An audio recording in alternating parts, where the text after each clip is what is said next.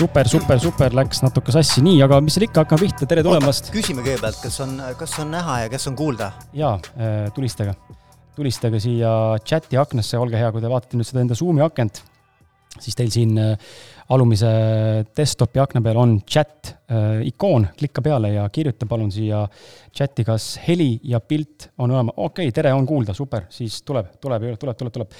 super luks. paneme käima. Äh, sorry, et ootama pidid, äh, tehnilised äh, oskamatused tulevad ikka ka. aga tee meile neli minutit. jah teeme niimoodi. Mis me teeme siis, Veiko, kuidas me ütleme, tere tulemast kuulama podcast'i Ausad mehed ja ja juhtimiskvaliteet on konkurentsieelis. jaa, et äh, peame võib-olla mingi ühise nimetaja endale välja mõtlema, praegu on natuke jah, ei kõla nagu väga hästi, aga, aga ma arvan, et äh, sisu saab olema äge. jaa, ma arvan ka, et igal juhul äh, minul on ülihea meel, et me oleme täna siin Vihula mõisas äh, doktor Pürklandiga, Rene Pürklandiga ja, ja et Kris, sa võtsid ka sellest võimalusest niimoodi äh, kohe kinni ja, ja teeme selle asja ära. minu arust see on äge ja äge on see, et meil on üle saja inimese kuulamas meid üle Zoomi ka. hetkel on viiskümmend kuus, aga sada aga sada tuleb täis, absoluutselt. et äh, piletid on välja müüdud ja aitäh sulle, kes sa kodus siin vaatad ja aitäh ka teile, kes te olete siia ähm, sunniviisi kohale toodud. Rene käskis tulla, et äh, Äh, vahva, ähm, selles mõttes äh, kümmekond inimest on siin ruumis äh, natuke vähem ja, ja äge, et ähm, ma ei oleks osanud arvata, üldse mitte Renele siin nii-öelda mitte komplimenti tehes, aga poleks osanud arvata, et me tegelikult täismaja teeme. aga tundub, et Rene, sa oled popp-poiss. täismaja on siis kaheksa inimest virtuaalselt täismaja. meil on kõik online, online värk ehm,. aga paneme rullima. jaa, ma, mina, ma ütlen paar sõna Rene kohta mm. -hmm, absoluutselt. et äh, et, et äh, kõigepealt nagu, äh, kust ma Renet tunnen üldse? mina tean Renet äh, Tallinna Ülikoolist, noh, siis ta veel oli pedagoogikaülikool, õppisime, õppisime psühholoogiat. Rene oli aasta vanem kursus ja mina olin üks aasta noorem, aga väga palju asju sai ka koos tehtud. nii et päris, päris pikalt, on ju. nüüd lisaks sellele, et et äh, Renel on psühholoogiaharidus, on tal ka arstiteaduskonna äh, lõpetamise diplom. ja, ja siis lisaks on ta õppinud ju, oh ma ei tea kõike mida, aga igal juhul Hiinas on ta käinud mitte ühe korra ja mitte, mitte ühe aasta, vaid ma ei tea, mitmel mit, mitu korda olen käinud. mitu korda ja mit-, mitmeid, mitmeid kordi pikemalt. kas et, äh, võib siis öelda, et Rene on piltlikult öeldes Hiina Eestisse toonud niimoodi kakskümmend aastat tagasi? Ma ei tea. ei, ma arvan, et ülekantud tähendus, on ju.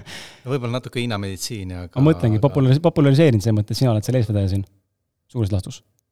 või see on liiga julge väide? see on liiga julge väide, jah. tõmbame tagasi, siis liiga julge väide taga, tagasihoidlikult tagasihoidlikult aga seda võib küll öelda, et, äh, et sul on kaks ülipopulaarset äh, raamatut. ja, ja ma arvan, et äh, see on äge, et need on kuidagimoodi inimestele naha alla läinud või pugenud ja, ja ikkagi paljusid inimesi kõnetanud, on ju.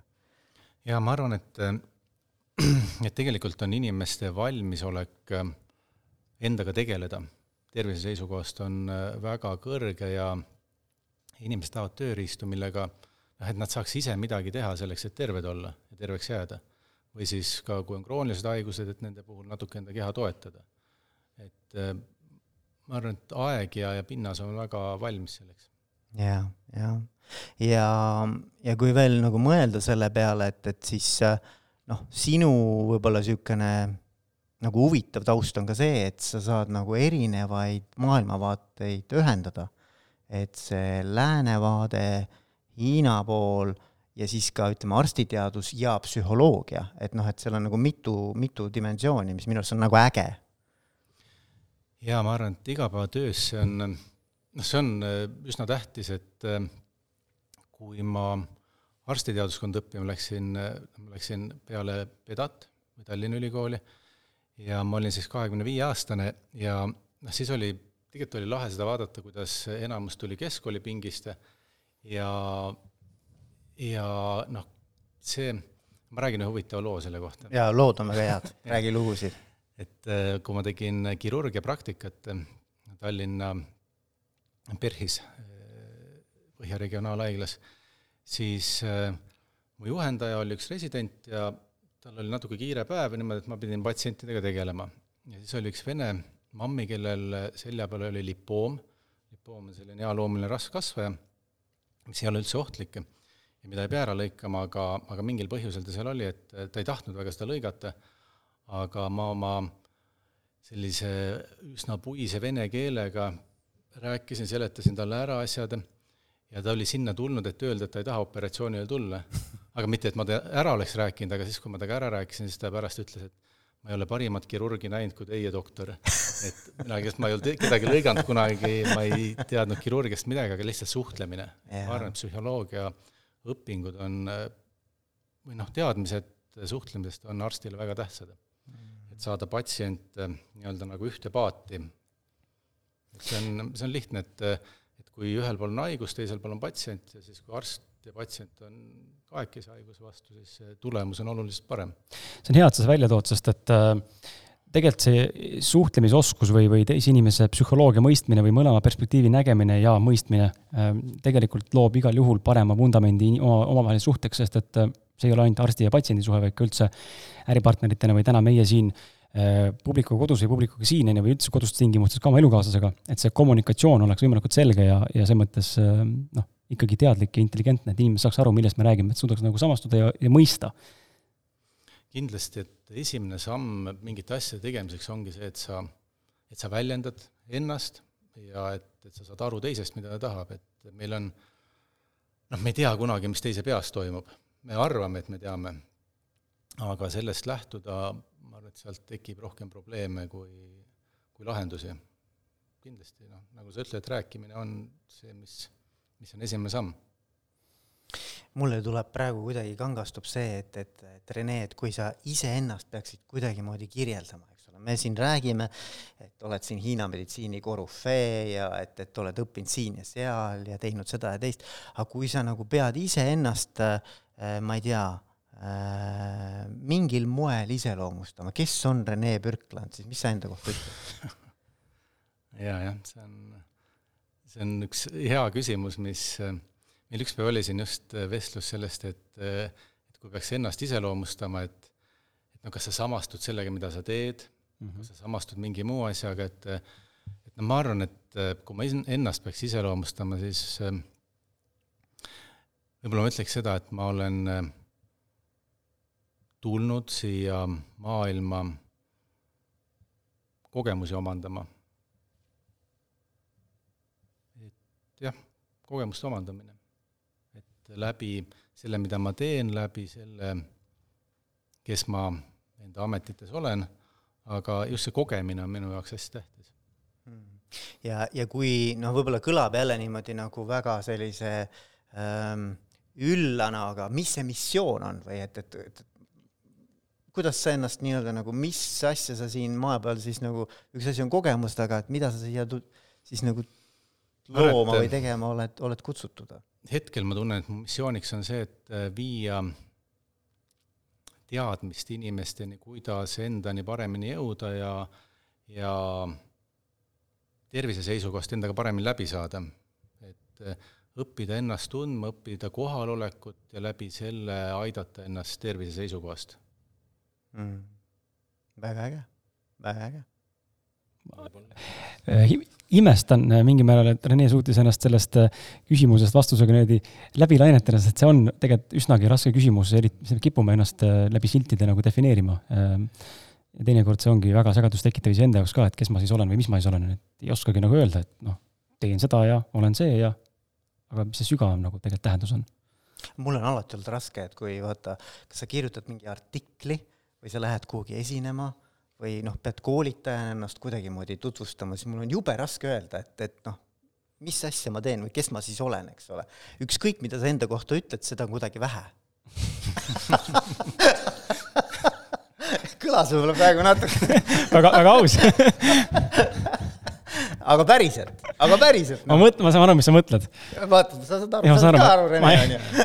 vähemalt naeran kaasa väga hea, väga hea. nii, aga siis ähm, tegelikult me, meil on ka mingid küsimused ette valmistatud. on, on, võtan need igaks juhuks ette siia ka, et oleks see asi siin täna relevantne ka. Mm, üks moment, üks moment, siin on sada viiskümmend asja lahti. Aga ma panen, ma tulistan, Pane, tulista. kui sa, kui sa seal otsid, et äh, mis nagu mind no vot, alati on hea rääkida läbi ikkagi nagu sinu kui persooni, eks ju. mis, mis mind on nagu palju kõnetanud, on see selline nagu tasakaal või keskme otsimine, vaata. ja see on minu arvates see keskne teema ka, ka Hiina filosoofias ja, ja meditsiinis ja mm -hmm. et, äh, et kui ma näiteks sind vaatan ja nagu sinuga siin ruumis olen praegu, siis mulle nagu tundub, et, et äh, et sinust õhkub mingit niisugust nagu rahu ja niisugust kindlust ja mingit noh, et nagu, et sa, sa päriselt nagu natuke niisugune kerge nagu buda või munk või nagu et noh, selles poosis ka, eks ole, et, et aga, et kui sa enda energiat pead nüüd nagu Hiina eh, filosoofia järgi kuidagimoodi kirjeldama, nagu ennast, ma saan aru, et see võib olla keeruline, aga aga, aga kuidas sa nagu, mis, mis asi, mis sinuga toimub või kuidas, kuidas sa nagu suudad sellise mulje tekitada. või ma, ma ei tea, võib-olla on päris, on ju. tahtsingi just öelda, enne, et te olete mitu, mitu päeva olnud siin juba nüüd? meil on täna, mis päev täna on? täna on neljapäev. neljapäev, siis on neljas päev. neljas päev, et sa oled eelmised neli päeva siin harjutanud kõvasti, et nüüd ja. olla valmis, on ju. aga te-, aga tegelikult ma, nii palju, kui ma Renet tean, see on, see on olnud kogu aeg. või noh, see on ikkagi minu jaoks olnud nagu äh, üks asi, mida ma imetlen. Vaata jah, ma arvan, et selle, see on üsna tähtis, äh, ma näen kui sa küsid seda või ütled seda keskmes olekut, et äh, ma enda kohta võin öelda, et ma olen teel sinnapoole ja sinna on pikk tee veel, aga jaa, ma arvan, et see võiks olla üks eesmärk ka tervise seisukohast, et äh, et kui me Hiina meditsiinis vaatame, mis on põhilised haigustekitajad, siis üks tähtsamaid on tegelikult emotsioonid. emotsioon muutub haigustekitajaks siis, kui teda on lühikese aja jooksul liiga palju. Et ta lööb meid, noh, sõna otseses mõttes eesti keeles on ju see ütlus ka, et me läheme endast välja et me lähemegi oma keskmest välja ja probleem tekib siis, kui me oleme liiga kaua keskmest väljas. et äh, kui me käime väljas, tuleme tagasi, siis äh, noh, siis see ei tee meile midagi halba, aga äh, Hiina meditsiinis öeldakse, et meie kese või selline energeetiline raskuskese on siin nabaaluses piirkonnas. seda öeldakse alumentantien ja iga kord, kui me reageerime, siis meie energia tuleb üles. Ja see on normaalne, see ongi selleks vajalik, et me elus püsiksime, et me, et me saaksime hakkama siin maailmas, aga probleem tekib sellest, et kui me jääme siia üles kogu aeg. ja tänapäeval inimesed, noh, ma võin öelda, et enamuse oma ärkveloleku ajast ja paljud ka enamuse uneajast, nende energia on kogu aeg kas rinnapiirkonnas või peapiirkonnas ja sa ei pea väga kaua vastu niimoodi. et see on, noh, ma olen patsientidele ka toonud äh, näiteks äh, kalakorgi, et äh, noh, kõik, kes on kala püüdnud, teavad, et korgil raskuskese on keskel, ta istub vees ja kui kala tuleb, ta näksab, kork võib-olla läheb vee alla või kukub korra pikali, tõuseb püsti alati. inimene samamoodi, et meie raskuskese peab siin olema, kui sa korgil tõstad raskuskeskme üles, nagu meil pähe, siis ta kukub pikali, enam püsti ei saa. ja niimoodi, see ongi paljudel haiguspõhjuseks, et et me läheme keskmest välja, me oleme tasakaalust väljas ja siis äh, tekivad haigused. aga kuidas on, äh, kuidas on äh, positiivsete või eufooriliste või selliste rõõmsameelsete emotsioonidega? jah, kas siis see on ka, me kukume siis nagu keskmest välja või pigem see on vastupidi toetav, et seda peaks rohkem juurde kütma? see on hea küsimus selleks, et noh, inimesed ise on andnud emotsioonidele positiivse või negatiivse hinnangu ja varjundi. tegelikult iga emotsioon on eluks vajalik, et meil on vaja hirmu, et ellu jääda meil on vaja vihastamist, et äh, vastata, kui keegi ründab meid, või meil on vaja kurbust, et äh, läbi töötada või läbi elada see kaotusvalu, et kõik on vajalikud emotsioonid, kui sa nüüd rõõmu siia välja tood, siis rõõm on selline emotsioon, mis Hiina meditsiini järgi tugevdab südant. ja kui on rõõmu vähe, siis südameenergia jääb nõrgaks, mille tulemuseks võib olla depressioon, võib olla unetus, rahutus, ärevus, aga liigne rõõm nagu ma enne ütlesin, et emotsioon muutub probleemiks siis, kui teda on lühikese aja jooksul liiga palju. ehk kui me võtame rõõmu, siis see on eufooria. ja ütleme, eufooria puhul tuleb Hiina meditsiini järgi siis liiga palju energiat liiga lühikese aja jooksul südamesse, mis võib tekitada mida? rütmihäireid näiteks, või ärevust, rahutust, unetust, et, et see, ma arvan, et läbiv, läbiv teema Hiina meditsiinis ikkagi on tasakaal. ja, ja seal keskmes, me kõigume niikuinii edasi-tagasi, see ongi elu, et sa, elu käibki lainetena. aga, aga see, et kui kõrged need lained on või kui sügavad need lained on, et siis sealt võivad tekkida terviseprobleemid. minu arust see emotsioonide teema on nii äh, põnev teema, et ma olen äh, hästi palju uurinud positiivset psühholoogiat, selline valdkond nagu positiivne psühholoogia. ja, ja seal on selline suhtarv nagu üks kolmele, et, et selleks, et sa võiksid öelda, et sa oled õnnelik inimene, on siis välja nagu uuritud, et võiks olla ühe negatiivse emotsiooni või kogemuse suhtes kolm positiivset. et see suhe peaks umbes midagi sellist olema ja noh, muidugi võib ka rohkem olla positiivseid emotsioone, aga noh, seal on veel siis, oli kuidagi niimoodi, et kui üle üheteistkümne on, et siis tekib küsimus, et kas sa oled üldse reaalsusega kontaktis nagu, et, et kui sa kogu tekib, aeg väga tekib deliirium lõpuks kuskilt. natuke kahtlane, eks ole. aga mulle meeldib see mõte, et, et, et äh, sa saad kuidagimoodi teadlikumaks, isegi kui sa, noh, sa ei hakka lugema, aga sa suudad nagu mingisuguse tunnetuse tekitada, et oota, kuidas mul elus on, eks ole et, äh, et mulle, mulle see emotsioonide teema väga, väga meeldib. jaa, ja vaata see, ütleme, kui Kris tõi välja siin selle rõõmu, et tegelikult äh, see, mis meid emotsionaalselt hoidab, on see, kui me teeme neid asju, mis silma särama panevad. ja see ongi see emotsioon, et kui sa teed oma tööd, noh, kõik teavad seda, et kui sa lähed tööle, sa teed seda tööd hambad ristis, sa teed mingi muu eesmärgiga, siis sa väsid ära sellest aga kui sa teed seda niimoodi, et noh, see on see, mida sa teha tahad, see on see, mida sa tegema pead, ja su silm särab, siis see annab sulle energiat mm. -hmm. ja, ja noh, see ongi see, mis ma olen patsientidele, kellel on südameenergia nõrk, ma olengi öelnud neile, et et tehke neid asju, mis silma särama panevad, vahet, loomulikult see ei saa olla see, et vein paneb silma särama või midagi muud, et see ei ole pikas perspektiivis võib-olla jätkusuutlik. Mm. aga need tegevused, mis meeldivad, kellele meeldib metsas käia, kellele meeldib šopata ma ei tea, ära minu peale, minu peale. Väike ta-, väike tankipanek aga mul tegelikult oli küsimus ah,, tulles selle eelmise äh, teema juurde siis, et noh, keskmisse tagasiliikumine või siis nii-öelda tasakaalustamine nende emotsioonide vahel, et nüüd teie küsimus, et okei okay,, tore, me teame nüüd seda, et kui me endast välja lähme või, või liigume nii-öelda siis kuskile mingist skaalast väljapoole, nüüd tekivad mingid probleemid või, või tekib üldse eufooria, deliirium, mis iganes veel. kuidas nüüd seda keskmet tagasi tuua, mis on siis see praktiline võti, mis sa saad näiteks praegu soovitada, ütleme selle küsimuse juurde siia üks-kaks näidet, et mida inimene saab päriselt teha, kas ta seisab pea peal või peab ta toituma paremini või lugema rohkem või mediteerima või hingama mis on need asjad, mis tegelikult päriselt aitavad? Jah, neid asju on palju, tööriistasid on palju, aga kui sa küsid niimoodi, et mida kohe saaks teha, siis äh, Hiina meditsiinis on üks selline teooria, et öeldakse, et energia läheb sinna, kuhu sa viid hingamise. ja kõige lihtsam asi, mida teha keskmisse tulekuks, on kõhu hingamine. et noh, me võime kohe seda proovida et sa paned käed siia nabaalusse piirkonda ja nüüd, kui sa sisse hingad, siis või paneme niimoodi, et paneme ühe siia naba alla, teise rinna peale. ja nüüd, kui sa sisse hingad, siis sul ülemine käsi ei tohi üldse liikuda päris raske on niimoodi. et ainult alumine, et ja kui sa niimoodi hingad, siis sul energia läheb alla. ja noh, näiteks kellel on unetus, öösel oled seal voodis, paned käed kõhu peale, hingad lihtsalt niimoodi, et et sul kõht liigub mm. -hmm.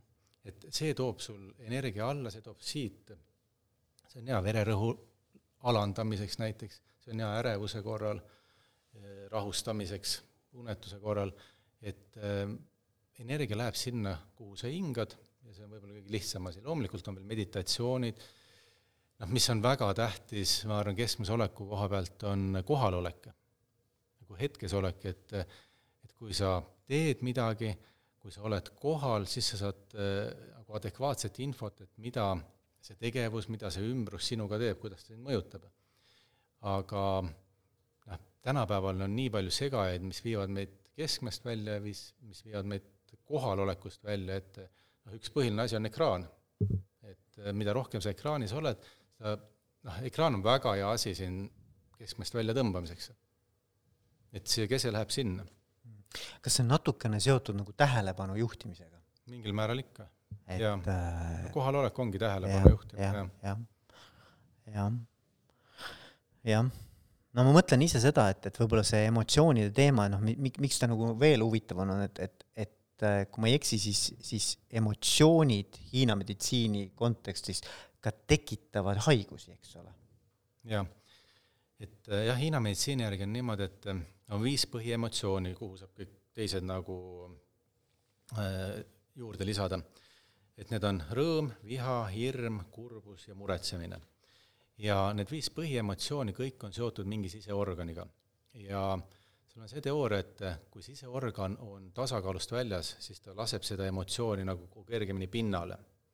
ehk me saame selle järgi diagnoosida ja on ka teistpidi, et kui emotsioone on liiga palju, siis ta hakkab mõjutama siseorganit. aa, seal on mõlemat pidi? mõlemat pidi okay. ja et noh, mis on, ütleme tänapäeval väga selline levinud probleem lääne ühiskonnas ja Hiinas ka tegelikult, on maksa teemad, siis energeetiliselt öeldakse, et maksaenergia seiskumine, põhiline põhjus on frustratsioon, vihastamine, ärritumine, raev või emotsioonide allasurumine.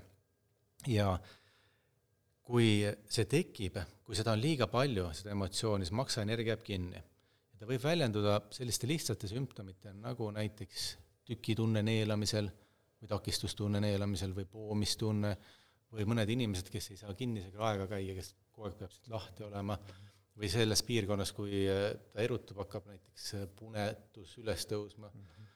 või kui maksaenergia jääb kinni rinnapiirkonda, siis põhisümptom on, mis on ohkamine mm. -hmm. või kui ta jääb, ütleme, see soolestiku piirkonda, see on puhitused, gaasid, et noh, keha annab kohe märku, see ei tähenda haigust veel, aga see tähendab seda, et sa oled keskmest väljas. oot, oot, siin läks nüüd huvitavaks. sa puudutasid väga valusat teemat minu jaoks.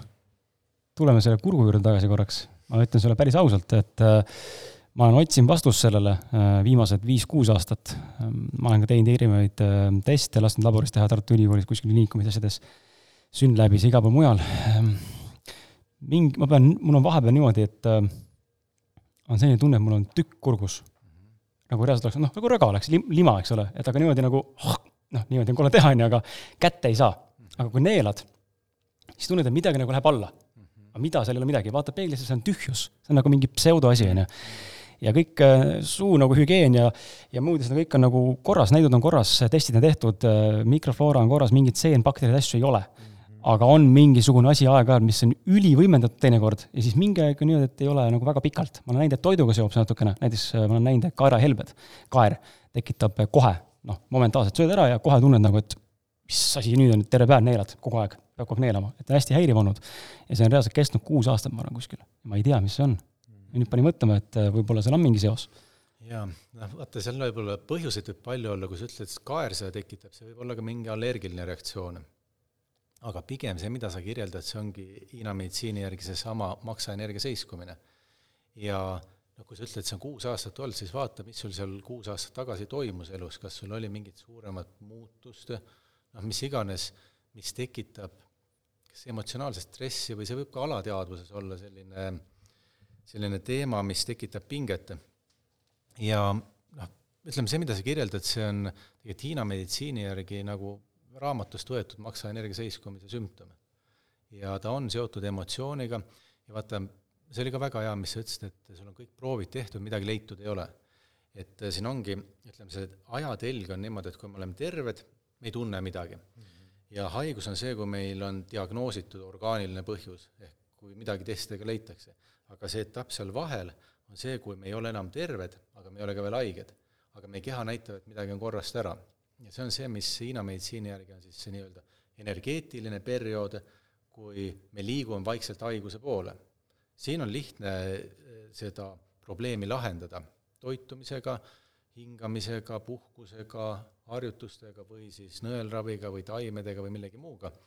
aga kui sa jõuad ühel hetkel sinnamaale, ma ei taha nüüd programmeerida, et sa jõuad sinnamaale, aga aga mis siin tava, tavalistel inimestel tekib, kui ta muutub füüsiliseks, on kilpnäärmeala või ületalitluse ja siis saab seda diagnoosida ja siis saab hakata ravima lääne meditsiini järgi.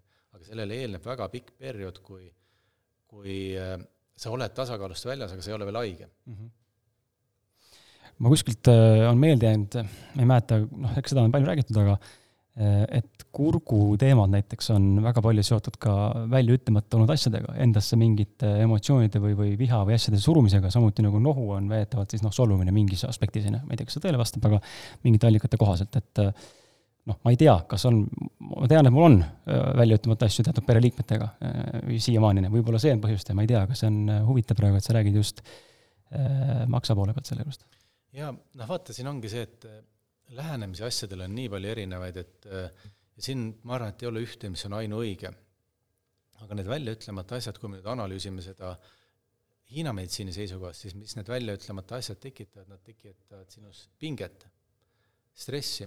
ja pinge on see, mis blokeerib maksaenergia ja kui maksaenergia on seiskunud, siis ta võib väljenduda siin või siin või siin, et noh, sinu puhul ta väljendub siin ja, ja kui sa need asjad välja ütled, siis sul pinge läheb maha, sa rahuned, sul maksaenergia hakkab liikuma, et äh, me jõuame alguse juurde tagasi, et suhtlemine on suht tähtis mm. -hmm. nüüd on küsimus, vaata kui inimene ka kuulab ja võib-olla mingis kohas samastub ja tunneb ära midagi, ma ei ütle, et nüüd peaks koduste kuulajatel olema ka kurguprobleem, aga eh, loodetavasti ei ole, on ju, aga kui on mingi asi, et siis tekib küsimus, et okei okay,, aga kus ma tean nüüd, kellega see seotud on või millega see, kus ma hakkan nüüd katsetama seda asja, et see ju repertuaar nagu ampluaa on nii lai, noh, et kus ma nüüd pihta hakkan, teen ma täna siin hingamist või, või hakkan siin nüüd toitu selekteerima või elimineerima, on ju, et noh, kus ma hakkan pihta, seda infot on nii palju just? Ma arvan, et esimene samm on teadvustamine, et kui sa seda asja või probleemi endal teadvustad ja võtad vastu otsuse, et sa tahad seda hakata lahendama, siis need tööriistad ja õpetajad ja, ja kes iganes tulevad su ellu, aga aga noh, millesse ei pääse nii ehk nii, on hingamine. et ma arvan, et sellest võiks alustada. et kõhu hingamine, kui te vaatate väikseid lapsi, beebisid, kuidas beebid hingavad?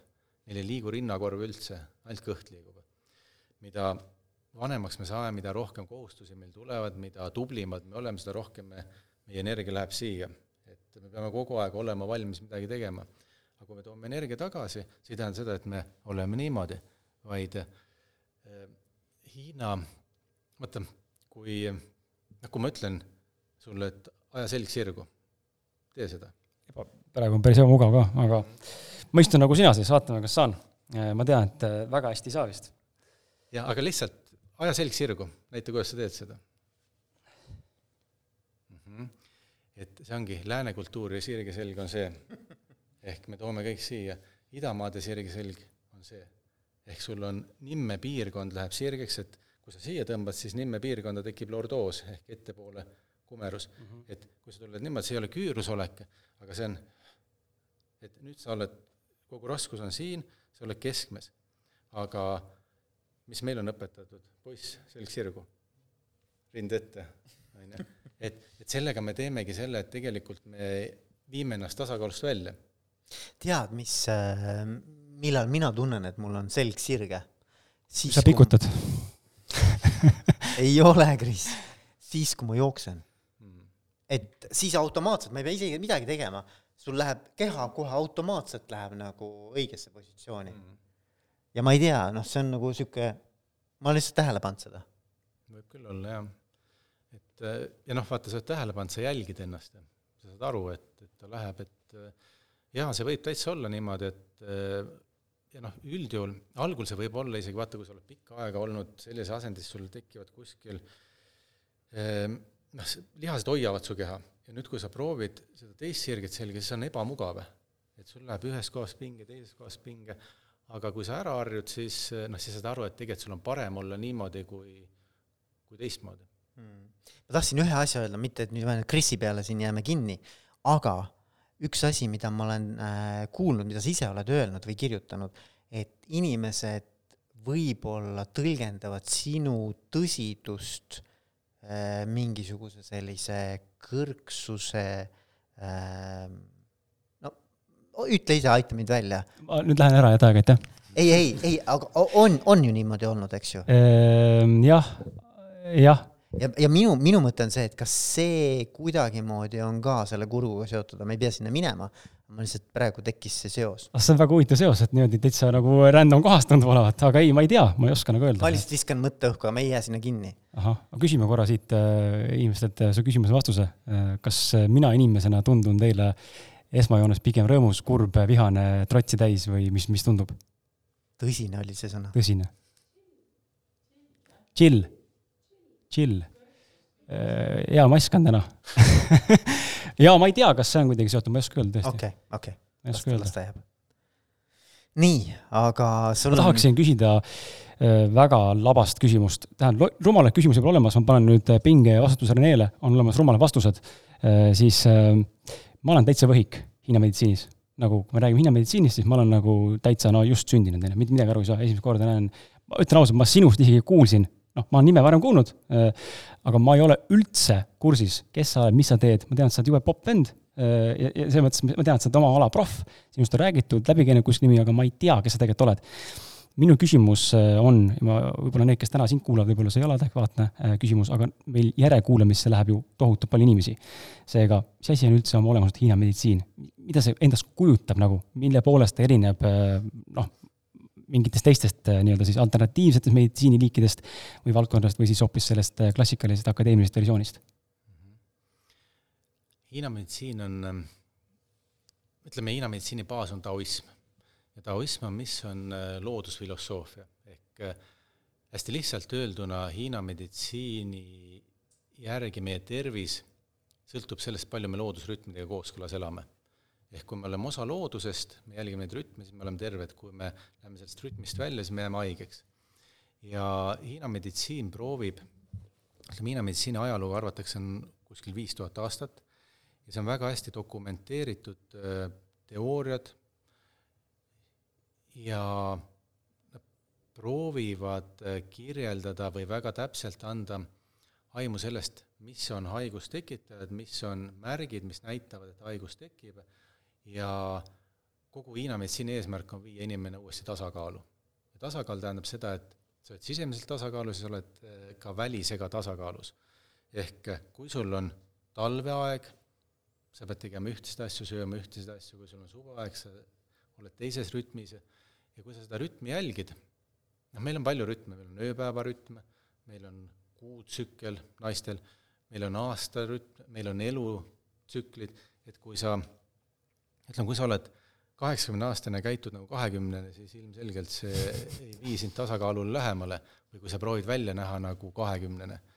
et aga kui sa oled omas ajas omas elemendis ja, ja kulged äh, tasakaalukalt, siis, äh, siis see aitab tervisele lähemale. ma ei tea, kas see andis sulle midagi aimu, mis Hiina meditsiin on, aga et äh, loodusega tasakaalus elamine. see on ju huvitav, sest et vaata, et selles mõttes nagu minu jaoks äh, nagu keskmes elamine tähendab natukene seda, et ma ei ole sõltuv välisest aga see natukene räägib ka seda, et sa tegelikult ikkagi käid nagu, sa oled nagu mõnes mõttes ikkagi voolus, vaata. Et sa nagu oled voolus ja mitte mõnes mõttes. ikka täiesti, täiesti, täiesti voolus. sa ei saa, ükstaspuha, kui kõva tegija me enda arust oleme, me ei saa loodusseaduste vastu mm. -hmm. et kui sa hakkad vool, ütleme, kui sa tahad vastuvoolu minna või sa tahad mingi oma voolu tekitada, siis ühel hetkel noh, ma ei tea, sellel ei ole mõtet.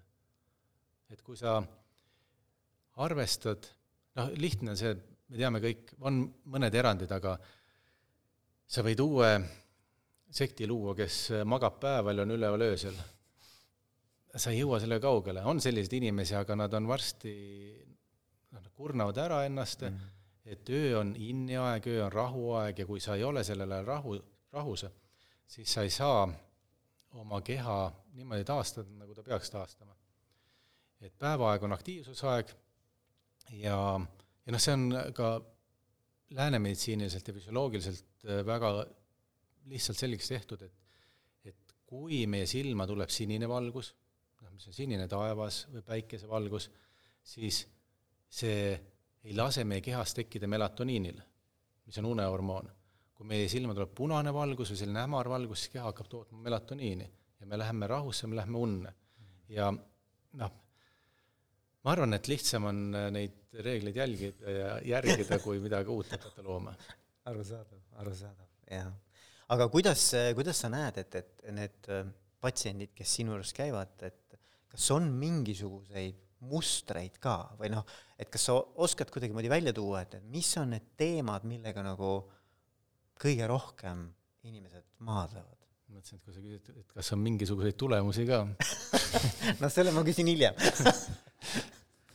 jaa, et äh, jaa, võib muidugi välja tuua, et on kolm põhiteemat, millega tegelikult lääne ühiskonna inimene tuleb, üks ongi maksateema, see, mida me enne puudutasime, mis on seotud stressiga, pingega, frustratsiooniga. teine teema on seotud seedimisega, mis äh, sõltub või on väga palju mõjutatud sellest, mida me sööme, kuidas me sööme. et juba lihtne asi on see, et hiinlastel on hea ütlus selle kohta, et et magu seedib toitu ja informatsiooni. Kui sa söömise ajal saad liiga palju infot, su magu ei suuda tegeleda toidu seedimisega. et kui sa vaatad telekat või loed uudiseid või pead mingit sellist pingsat äh, äri läbirääkimist, siis sellest tekivad seedeprobleemid hiljem ja kolmas teema, millega palju tullakse, on neerud. ja jälle mitte see, et neerud füüsiliselt haiged on, aga neeruenergia nõrkus, mis on seotud ületöötamisega, mis on seotud äh, samamoodi sellise alateadliku hirmu või, ähm, või pideva stressiga ja mis on väga palju seotud ka liigse koormaga. mis see tähendab, on see, et äh, kui sul on liiga palju kohustusi, mida sa täitma pead, millele sa igapäevaselt ei mõtle, aga mis pidevalt äh, tarbivad su energiat. et see on selline nagu, no mina olen seda võrrelnud, vaata kodumasinatel või telekatel on kolm režiimi. üks on off, välja lülitatud, teine on on ja kolmas on stand-by. Ja see, see, kui sul on mingid kohustused, millele sa igapäevaselt ei mõtle, on see stand-by režiim, et sa oled ootel. et su keha tarbib energiat, aga mingit lahendust sellest ei tule. et selle kohta on see hea ütlus ju, et, et milline töö kurnab sind kõige rohkem. kurnab tegemata töö mm.. Mm. et kui sa teed töö ära, sa paned sinna energia hulga, see on tehtud, aga need vastamata meilid või tegemata tööd, need on need, mis kõige rohkem energiat võtavad. ja, jah.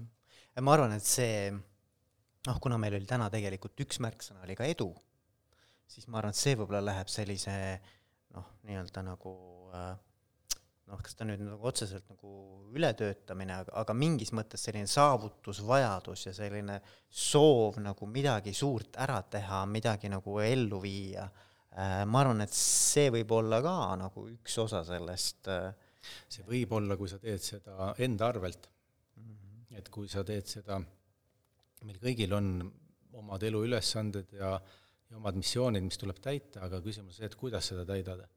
et kui sa täidad seda enda arvelt, ehk eh, sa teed liiga palju, sul ei ole tasakaalus tööpuhkus või toitumine, emotsioonid, siis see tõmbab su tühjaks.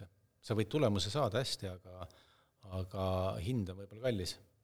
aga Hiina meditsiini järgi, ma saan aru, see on seotud äh, neeruenergiaga ja kuidas inimene nüüd mis, mis võiks olla nagu see esimene selline nagu sümptom või mind see nagu paelub, see teema tegelikult, see üle, ületöötamine, tasakaal töö ja, ja, ja sellise puhkerežiimi vahel. me võime väikse testi teha, meil tänane loengu teema siin retriidil olid neerud. Aa, väga hea, väga hea, väga hea, väga hea. et, et äkki sa esitad küsimuse siin esireas istujatele. Ei, aga okei okay,, ma vastan ise sellele, et mis on mitte esimene sümptom, see on kuidas kellelgi, aga neerudel on mitmeid funktsioone Hiina meditsiini järgi.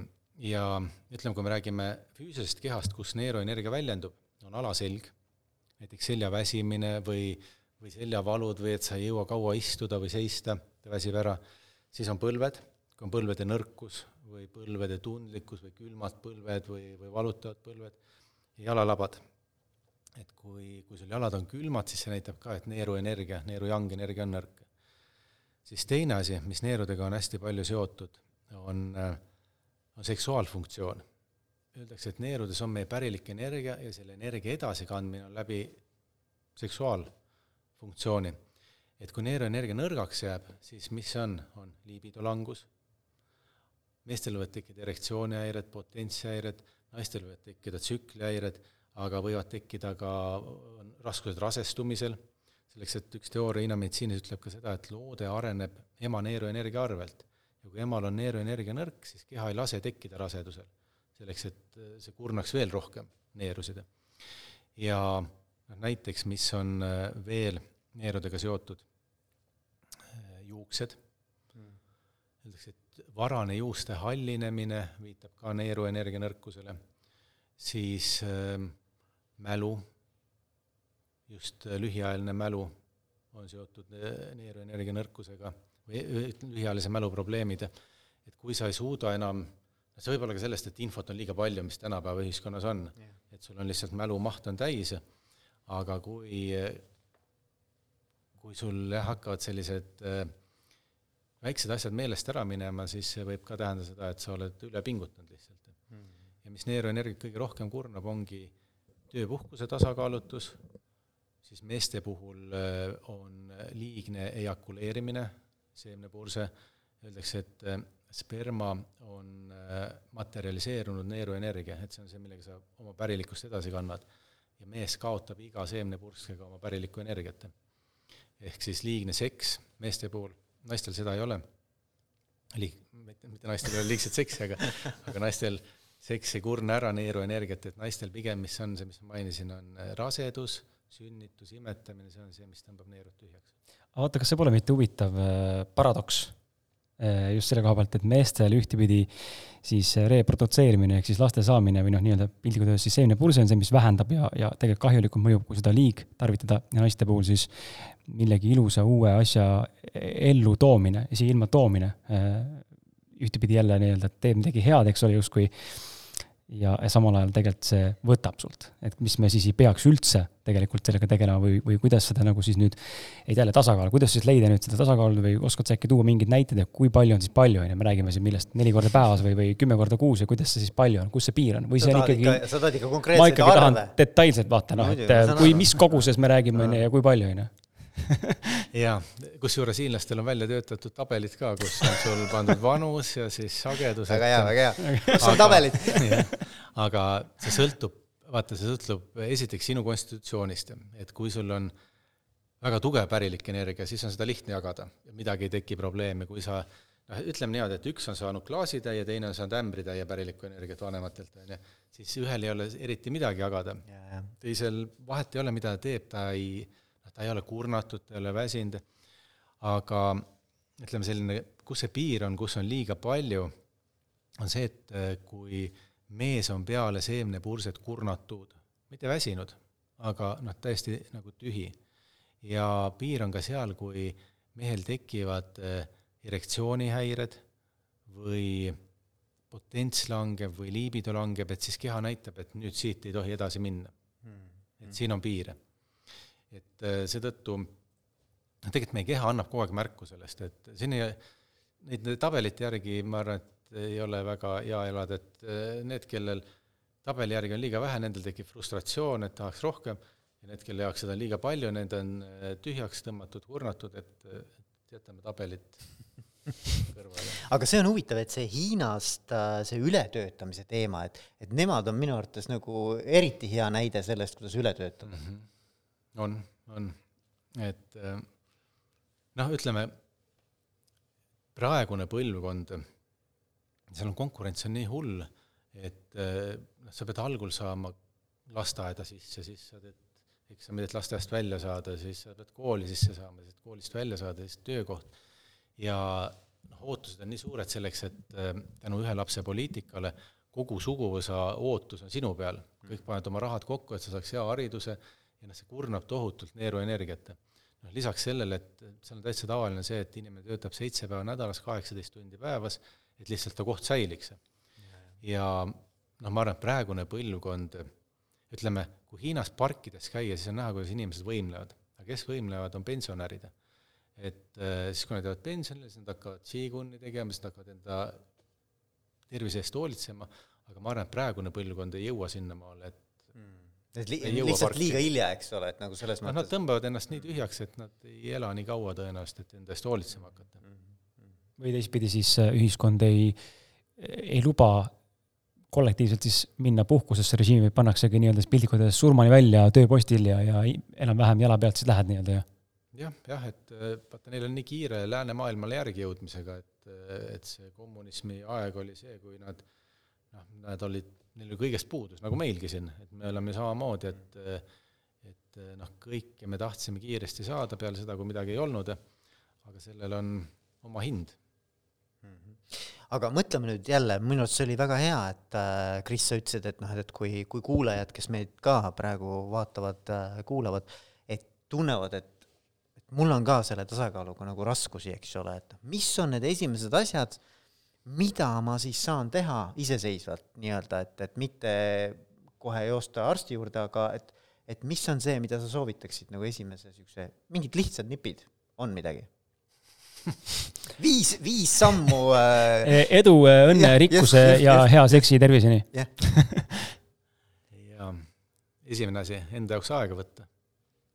et endaga olla, noh, päriselt endaga olla, mitte niimoodi, et sul on vaba õhtu, sa vaatad filmi või sa oled arvutis või kuskil mujal, et sa eh, tuled või saad endaga uuesti kokku, selleks sealt hakkab kõik pihta. Eh, noh, me kõik teame seda, et inimene, kes ennast ei armasta, seda ei saa keegi teine ka armastada. aga kui sa endaga ei tegele, siis eh, noh, sealt ei saa midagi head tulla. et see aja võtmine, teine, ma arvan, mis eestlase jaoks on ülitähtis, on see töö ja puhkuse tasakaal. et töö ja puhkuse tasakaal võib olla ka see, et sa ütleme, sa oled päev läbi arvuti taga, sinu puhkus on jõusaalis või metsas või sa teed midagi füüsilist. ja kui sa päev läbi teed füüsilist tööd, siis sinu puhkus on mingi vaimne asi et see füüsilise ja vaimu tasakaal, siis kindlasti, mida hakata jälgima, on toitumine et sealt hakkavad nii paljud probleemid pihta ja, ja noh, vaata, kui sa oled keskmes, sa saad aru, mida su keha vajab. mitte mida sa tahad, vaid mida su keha vajab.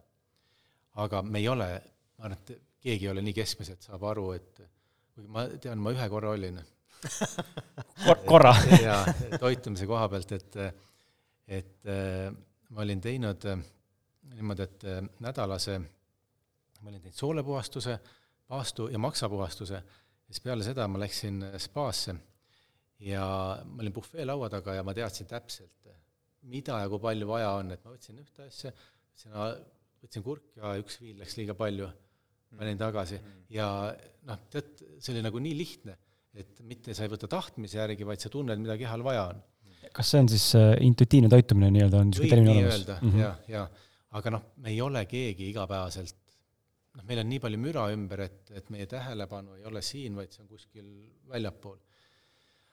aga mille järgi me saame tegelikult hinnata, on see, mis on palju lihtsam, on see, et kas sul on peale söömist parem olla kui enne söömist mm. -hmm. kui sul on parem olla, siis see toit sobis su kehale, kui sa oled väsinud või sul on puhitused või sul on raskustunne, siis see toit ei sobinud, vahet ei ole, mis mis erinevad teooriad ütlevad. ja kui me hakkame seda jälgima, siis tegelikult juba see on väga suur samm arusaamiseks, mis meie kehale vaja on. et eh, kui me anname talle toitu, mida ta vajab, siis läbi selle me toetame teda. kui me anname toitu, mida ta ei vaja, siis läbi selle me kurname teda. ja kindlasti hea uni. Ilma selleta noh, vahet ei ole, mida me teeme või mis praktikaid me teeme või mida me sööme, et eh, ilma uneta ei saa. Mm ma arvan, see noh, näiteks une teema on, on minu jaoks ka suur teema nagu, et äh, ma ei saa õhtul kuidagimoodi magama ja hommikul ei saa ülesse nagu, nagu täitsa noh, see on suur teema, nagu ma isegi hankisin endale või noh, mulle kingiti. Äh, sihuke Oura ring, vaata, see on see aktiivsusmonitor nii-öelda, et sa saad nagu mingisugust datat enda kohta, et kuidas sul nagu selle unega on. Mm. -hmm ja mõnikord see tekitab pigem stressi juurde, kui aitab, eks ole. Et aga, aga, aga tegelikult nagu see teadlikkus ise juba, et päriselt ongi nagu äh, noh, halvasti, et, et see on juba ka hea, et see mõnes mõttes. Aga ma tuleks ka küsin korra siia äh, eelnevalt tegelikult noh, mõnda aega tagasi mainisime ka, sa mainisid korra und, unetsükleid, eks ole, ja inimesed on erinevad, et öösel ei pea üleval olema, me oleme ikkagi mõeldud päeval olema. Ja Veiko enda näitega siia kõrvale nüüd, mina olen oma näitega see inimene, kes äh, läheb niisugune eelistatult kümme magama ja ärkan viis-kuus, on ju. Äh, ja see kuidagi on sisse jäänud ja nüüd tekib küsimus, et aga milline see unerežiim või siis valik on õige, on ju, et öeldakse, et noh, me kõik võime öelda, et ei, mulle ei sobi nii vara ärgata, ma olen ikkagi vaata inimene, kes magab, ma pean magama kaheteistkümneni, siis on normaalne. noh, aga mida Hiina meditsiin väidab või mis on sinu kogemus, kui sa niimoodi inimesi vaatad, vaatad ja vaatled, et kas on võimalik mingi selline kuldne noh, ma ei tea, kuldne mingisugune graafik moodustada või tundide arv, mis kindlasti pigem toetab, kui et teeb kahju sulle? noh, ilmselge on see, et inimesed on erinevad, ongi nii-öelda ööloomad ja päevaloomad. et äh, mõni, sa võid igasuguseid trikke teha, aga ta on lihtsalt öösel üleval mm. -hmm. aga äh, kui me vaatame inimese organismi, äh, siis selle kahekümne nelja tunni jooksul meie kehas energia liigub niimoodi ringi, et iga siseorgan on kaks tundi oma aktiivsuse tipul ja kaks tundi oma passiivsuse tipul, ehk ehk ja kui me nüüd vaatame seda ööaega, siis millal on või mis organid on öösel aktiivsed, ütleme kella üheteistkümnest hakkab sapipõie aktiivsusaeg, kella ühest hakkab maksa aktiivsusaeg. ja maks on see organ, mis aitab meie keha puhastada mm. pidevalt. ja mida maks vajab puhastamiseks, on vaikust ja rahu, ehk mis see vaikusrahu tähendab, et kui me magame, siis enamus verd perifeeriast ehk meie keha jäsemetest, lihastest läheb siseorganitesse ja põhiliselt maksa, kus ta puhastatakse. ja nüüd, kui sa samal ajal oled aktiivne, siis maks ei saa oma tööd teha, ta ei saa puhastada sind. kui sul on kõht täis, et sa oled õhtul palju söönud, siis seedimine peab töötama, et seda toitu seedida, mitte ta ei saa puhata, ta ei saa anda maksale seda nii-öelda vahetust üle ja kui sa kogu aeg nagu sellest rütmist välja lähed, siis ühel hetkel ta hakkab tunda andma, et see, mis sa, Kris, ütlesid, ma arvan, et üks parim unetuse ravi on see, et iga hommik viiest ärgata. Ja päeval ei maga, siis õhtul oled nii väsinud, et sa jääd magama lihtsalt. ja minul on, ma, mulle meeldib ka viiest ärgata ja mul on niimoodi, et kui ma õhtul hakkan lapsi magama panema, ma räägin neile muinasjuttu, ma jään magama, siis nad raputavad üles, tissi, räägi edasi, et, et äh, aga noh, ma jään, reaalselt ma jään alati enne lapsi magama. ja see, mis on veel unerežiimi juures hästi või unehügieeni juures ülitähtis, on keskkond. Et nagu ma enne mainisin, valgus on üks, et me võime öelda niimoodi, et meil on in-energia, yang-energia, in on see rahuenergia, öö, pimedus, vaikus, yang on aktiivsus, valgus, aga on olemas ka selline yang-energia, mida me ei näe valgusena. ja see on see, mis sul sõrmes on. et need on lained, need on wifi lained need on Bluetoothi lained, need on mingid muud lained, kõik, mis saadavad infot, võtavad infot vastu. ja see on puhas yang energia hmm.. Et 4G, 5G, see on kõik see, mis nagu, nagu paneb meie rakud vibreerima. et, et seetõttu su tuba peab olema ka sellest mürast tühi. et seal ei tohi olla telekat, seal ei tohi olla arvutit, ei tohi olla seda nagu, ma ei tea, kuidas eesti keeles see elektrosmoog on, mis ma ei tea, ütleme elektrilaine või noh, elektrireostus või, või selline noh, mida, et meie keha on kogu aeg nagu mikrolaine ahjus põhimõtteliselt mm.. et ta kogu aeg, ja see on yang energia, mis ei lase magama jääda.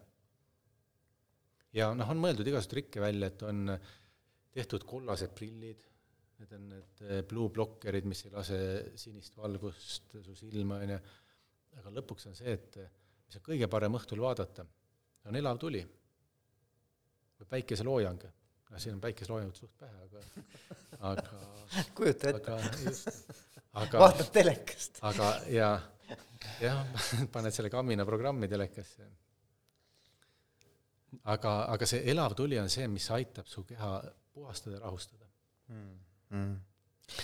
ma võtan äh, ühe Äh, kuulaja küsimuse vahele siia, meil tulid mõned märkused ka, aga äh, ma ei hakka meie tuju alla tõmbama siin. inimesed kurdavad, et meil on heli, heliga probleeme äh, Zoomis, et pane juurde. vaatame nüüd, ole hea, korra teen testi, peatame korra jutu, et ole hea, kirjuta nüüd, kirjuta nüüd see chati, pean siia rääkima korraga, siis sinna rääkima korraga, ühesõnaga see on keeruline meil, aga räägi, kas nüüd läks hääl paremaks ja, ja kas meid on paremini kuulda? Sest äh, öeldi, et äh, üks äh, terve jutt on nagu üks suur pudrukapsas, et kõik kokku, kokku jookseb vahepeal ühesõnaga, aga õnneks noh, sellepärast me olemegi varustanud sellega, et inimesed saate kodus Aa. pärast ilusti järgi kuulata, kui siin täna mingil põhjusel see läbi ei jookse hästi okay.. aga lähme küsimuse juurde ka, et parem, juba tuli kommentaar, parem, parem, parem. nii et läks ah,, okay, läks okay., ühesõnaga see liiga vaikselt oli võib-olla. aga küsimus on väga lihtne, küsimus on selline, et millega võib olla seotud pühapäevane ärevus ja kuidas seda saaks iga ah,, leevendada Hiina meditsiinile tuginedes? Pühapäevane. pühapäevane, vot see on see, et homme on appi, homme okay. on esmaspäevane päev okay., ma okay. pean tööle minema või kes iganes, mida mõtleb, on ju. ja jah, see on, see on see, kui inimene teeb mingeid selliseid asju, mida ta tegelikult noh, kas ta ei taha teha või ta peab tegema ja siis sa pühapäeval tunned, et homme juba tuleb minna mm ja mida Hiina meditsiiniga teha selle jaoks jah, kas see aitab kuidagi, on seal mingeid võtteid? Noh, jah, kõige parem võte on teha sellist asja, mis sulle meeldib, et sul on positiivne ärevus pühapäeval, et saaks juba uuesti esmaspäeval tööle.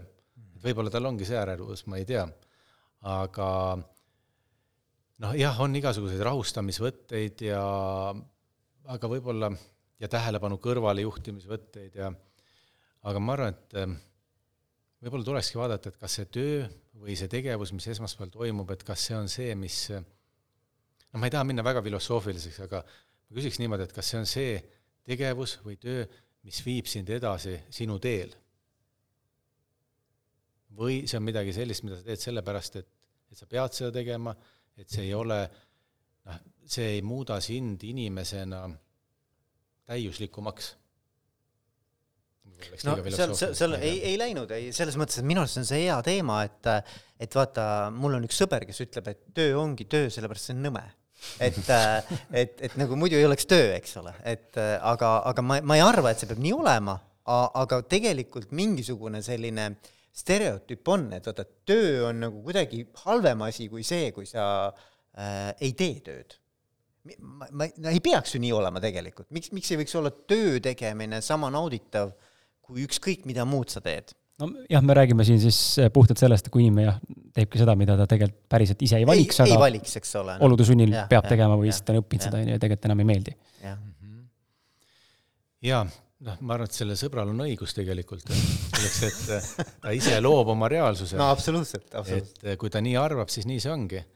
aga jah, ma arvan, et ideaalvariant on see, et kui me leiame sellise töö, sellise tegevuse, mida me tõesti naudime aga seal võib ka olla seda, et vaata, noh, ma olen äh, ise tundnud seda, et, et tavaliselt ma tunnen seda siis, kui ma käin kuskil äh, konverentsidel ja ma kuulen äh, uusi ettekandeid Hiina meditsiinist ja ma saan aru, et et on mingid asjad, mida, noh, mida mul on vaja juurde õppida või mida ma ei tea hästi. ja, ja siis, kui ma hakkan töötama, et tahan hakata neid asju kasutama, siis see tekitab minus stressi mm. ja pinget, et, et ma tunnen, et mul on vaja veel juurde õppida, et selles asjas hea olla.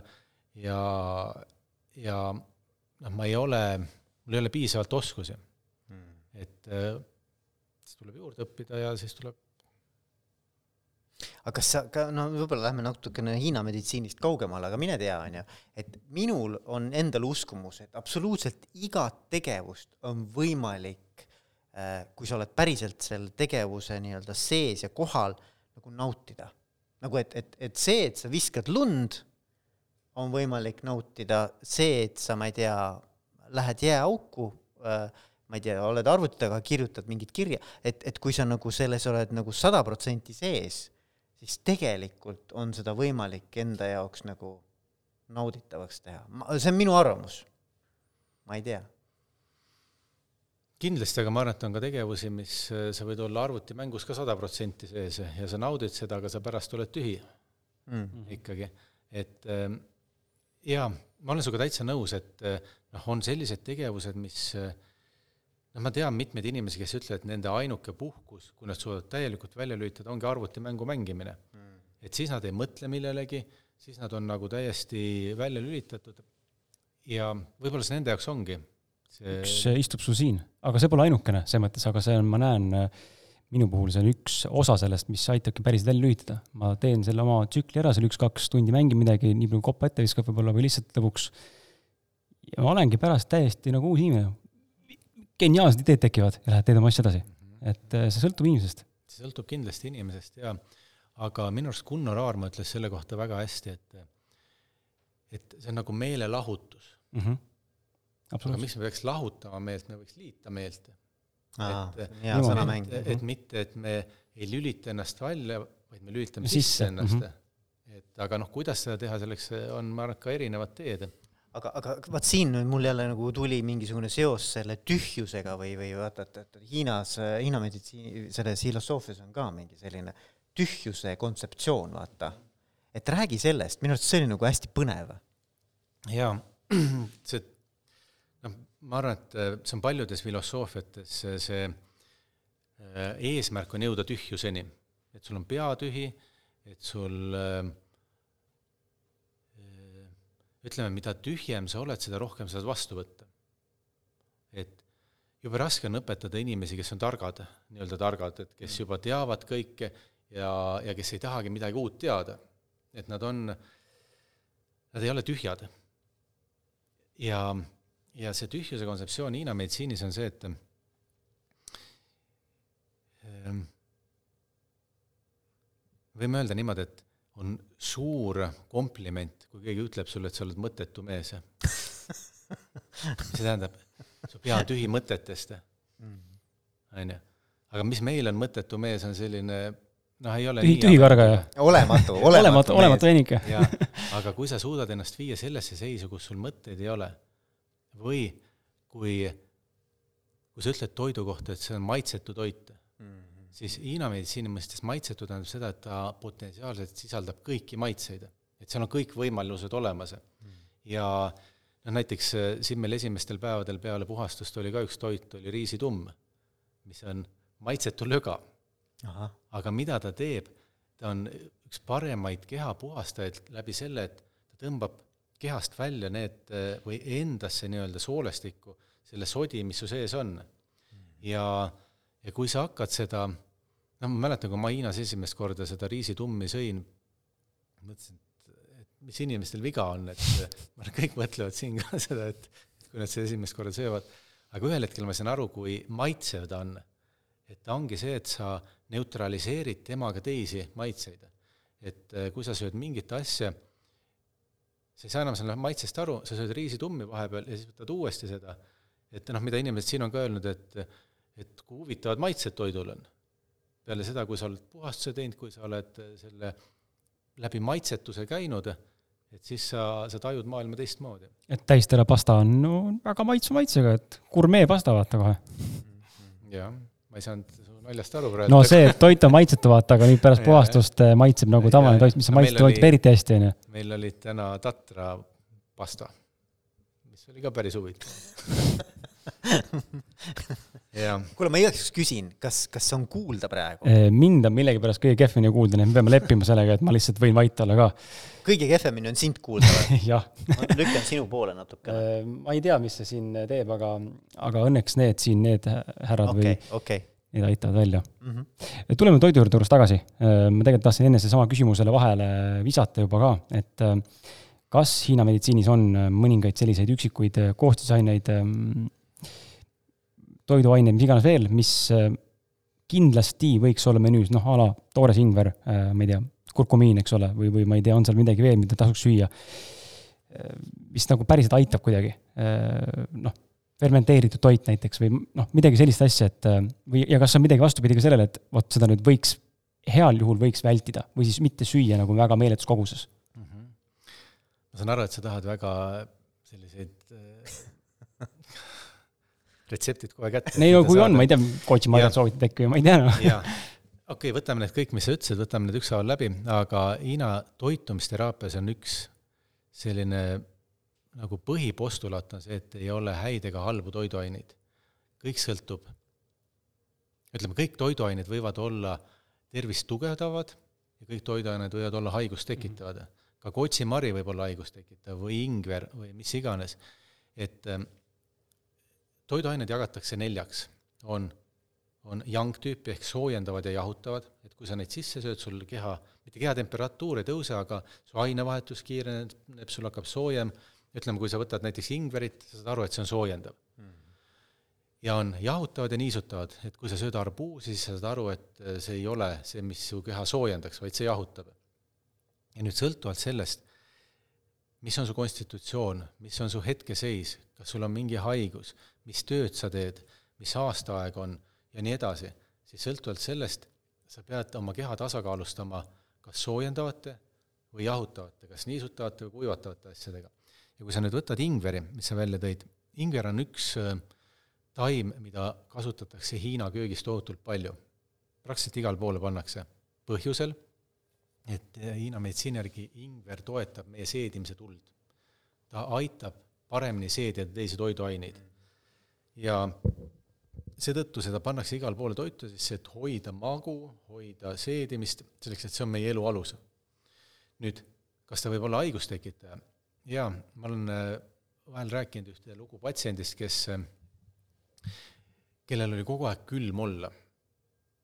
ja tal olid käed-jalad külmad, tal oli ülg-, üldine külmatunne ja ma soovitasin talle ingverit süüa ja juua, ingveri teed. ta hakkas seda tegema, ta oli väga kohusetundlik, ta tegi igapäevaselt seda mitu korda ja siis ta tuli mingi aja pärast tagasi mu juurde, ütles, et kuule, nüüd mul on teine probleem, et nüüd ma kuuman kogu aeg. Küsisin, okei okay,, et kas sa Ingveri lõpetasid ära? ei, aga sa ise käskisid juua mulle yeah.. et siit tulebki see, et kui sul on kuumus sees, sul ei ole vaja tarbida kuumust tekitavaid toiduaineid. kui sul on külm sees, siis sa pead tarbima neid. et seetõttu noh, kurkum on soojendav, ingver on soojendav, kotsimari on verd tugevdav, inni tugevdav, aga kui sul, ütleme, kui sul on näiteks niiskust ja lima palju sees, sa ei tohi kotsimarjasid süüa.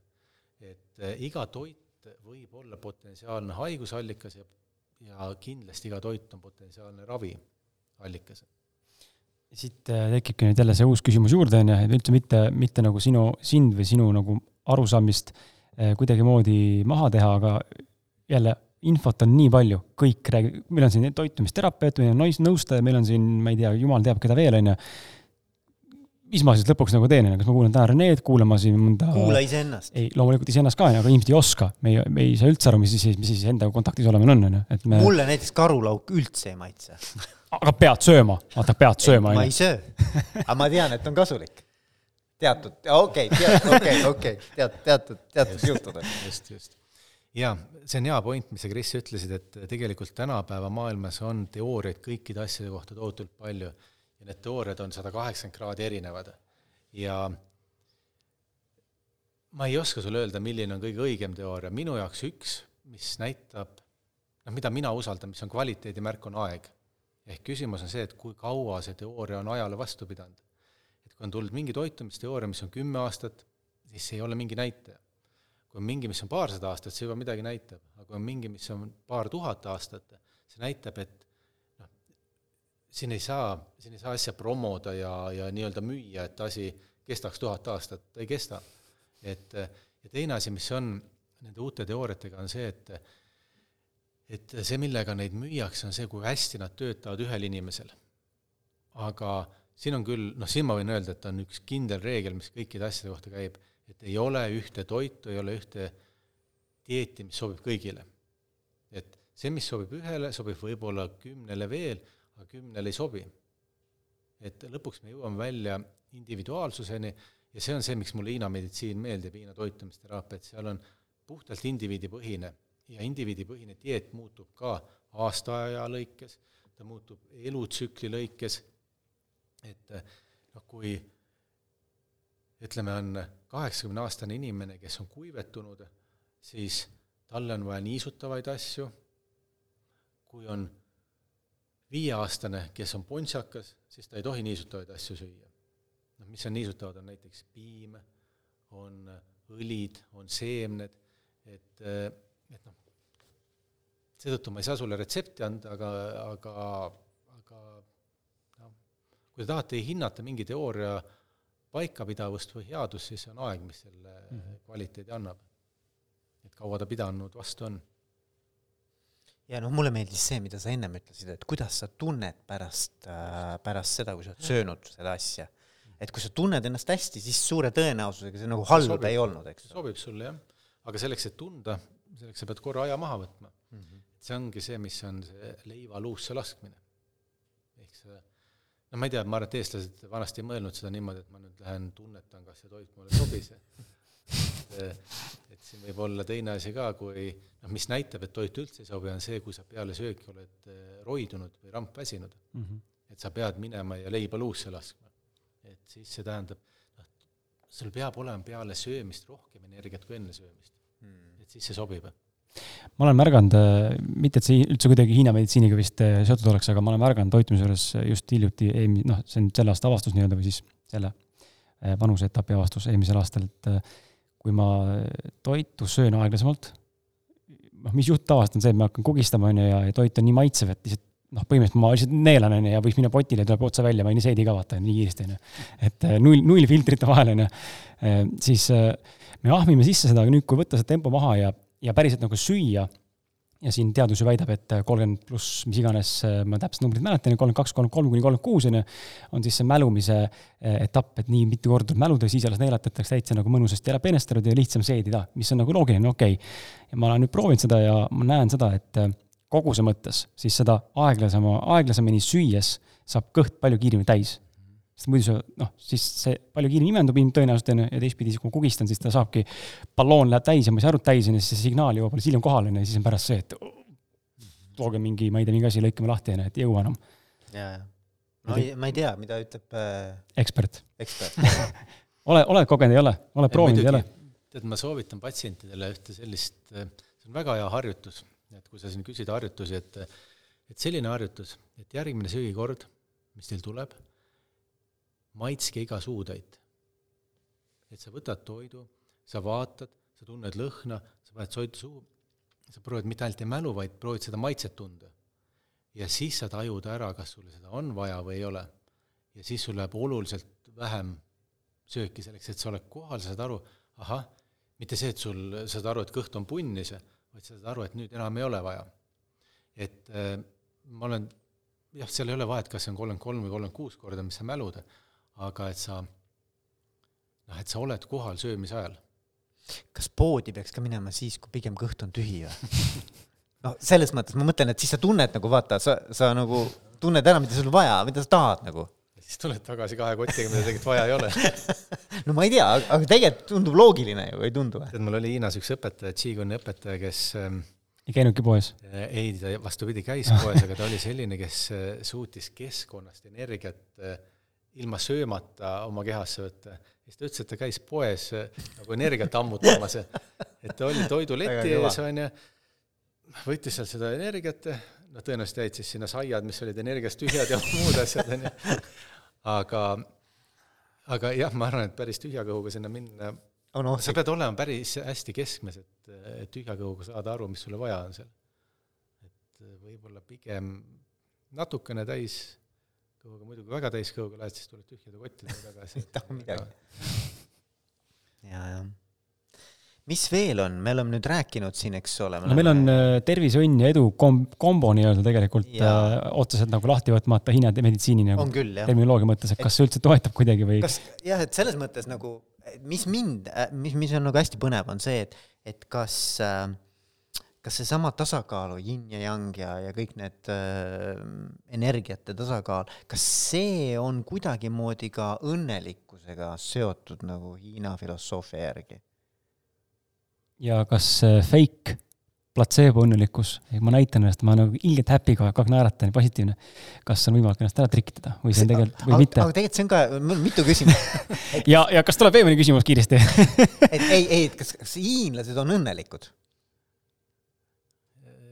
Ma arvan, et ähm, hiinla-, hiinlaste seas on õnnelikke inimesi ja mitteõnnelikke, aga nad ei näita oma emotsioone väga välja. ei näita välja. et see ongi võib-olla seal, seal elades äh, üsna raske, et sa tegelikult ei tea, mida inimene mõtleb ja mida ta noh, nad ei ava sulle ei, nad ei, ei näita nagu põhimõtteliselt, jah? noh, nad midagi näitavad, aga, aga see on, noh, see on maski taga. maski taga. nii, oota, aga mis äh,, õnnelikkus ja mm, vaata me saame, kuidas seda öelda, me ei taju seda, kui me terved oleme. me hakkame oma keha tajuma siis, kui midagi on korrast ära. et niikaua, kui kõik korras, niikaua kõik äh, toimib ja me ei saa aru sellest mm. -hmm. et me hakkame aru saama siis, kui on midagi puudu või midagi on korrast ära. ja noh, kui ma korra hüppan sinna Krisi küsimuse juurde, et kui sul on see fake õnnelikkus või fake naeratus, et äh, see mõjutab ka, selleks et nagu me ütlesime enne, et emotsioon, see on ikkagi emotsioon. Äh, emotsioon mõjutab organit, organ mõjutab emotsiooni.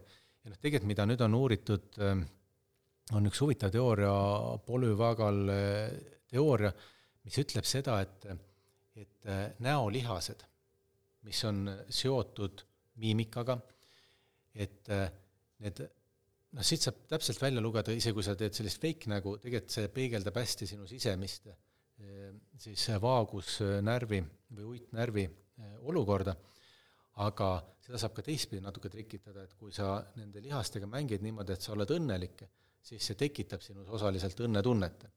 aga see on see naeruteraapia? jah, jah. aga, aga noh, pigem ma arvan, et see on hea variant, aga pigem kui see naer või õnn tuleks seestpoolt. Aga vaata, Shaolini mungad, kes noh, väga palju mediteerivad, väga palju, no neil ei ole eesmärk õnnelikkus, aga aga ma tahtsin selle näite lihtsalt sellepärast tuua, et et mingil ajal kauges minevikus, noh nüüd me teame Shaolini kui võitluskunstide keskust, kus on mungad, aga võitluskunstid on nende jaoks vahend. vahend füüsilise keha tugevdamiseks. Miks nad tahavad füüsilist keha tugevdada? selleks, et kunagi, sellel hetkel, kui nad veel ei teinud neid võitluskunste, nad jäid magama mediteerides. Nende keha ei olnud piisavalt tugev, et jaksata mediteerida. Nad hakkasid trenni tegema, nad jõuavad läbi selle rohkem mediteerida. ja nüüd see on otsene seos, kui su keha on terve, kui su keha on tugev, siis sa oled õnnelik see, see on nagu otseselt okay, seotud okay., et sa ei saa olla, võib-olla ütleme, sa oled haige ja sa ühel hetkel tunned, et täna põlv ei valuta, et see teeb su õnnelikuks. aga põhimõtteliselt sul peab olema, noh, te olete kuulnud seda ütlust, et keha on su tempel või mhm. vaimutempel, on ju. et kui see tempel logiseb ja, ja laguneb, siis vaim ei saa õnnelik olla. see tugev keha nüüd äh, ei tähenda ilmtingimata seda, et inimene peab olema kulturismiga tegelev, sa ei mõtle seda, vaid sa mõtled lihtsalt äh, nii füüsist tasakaalus.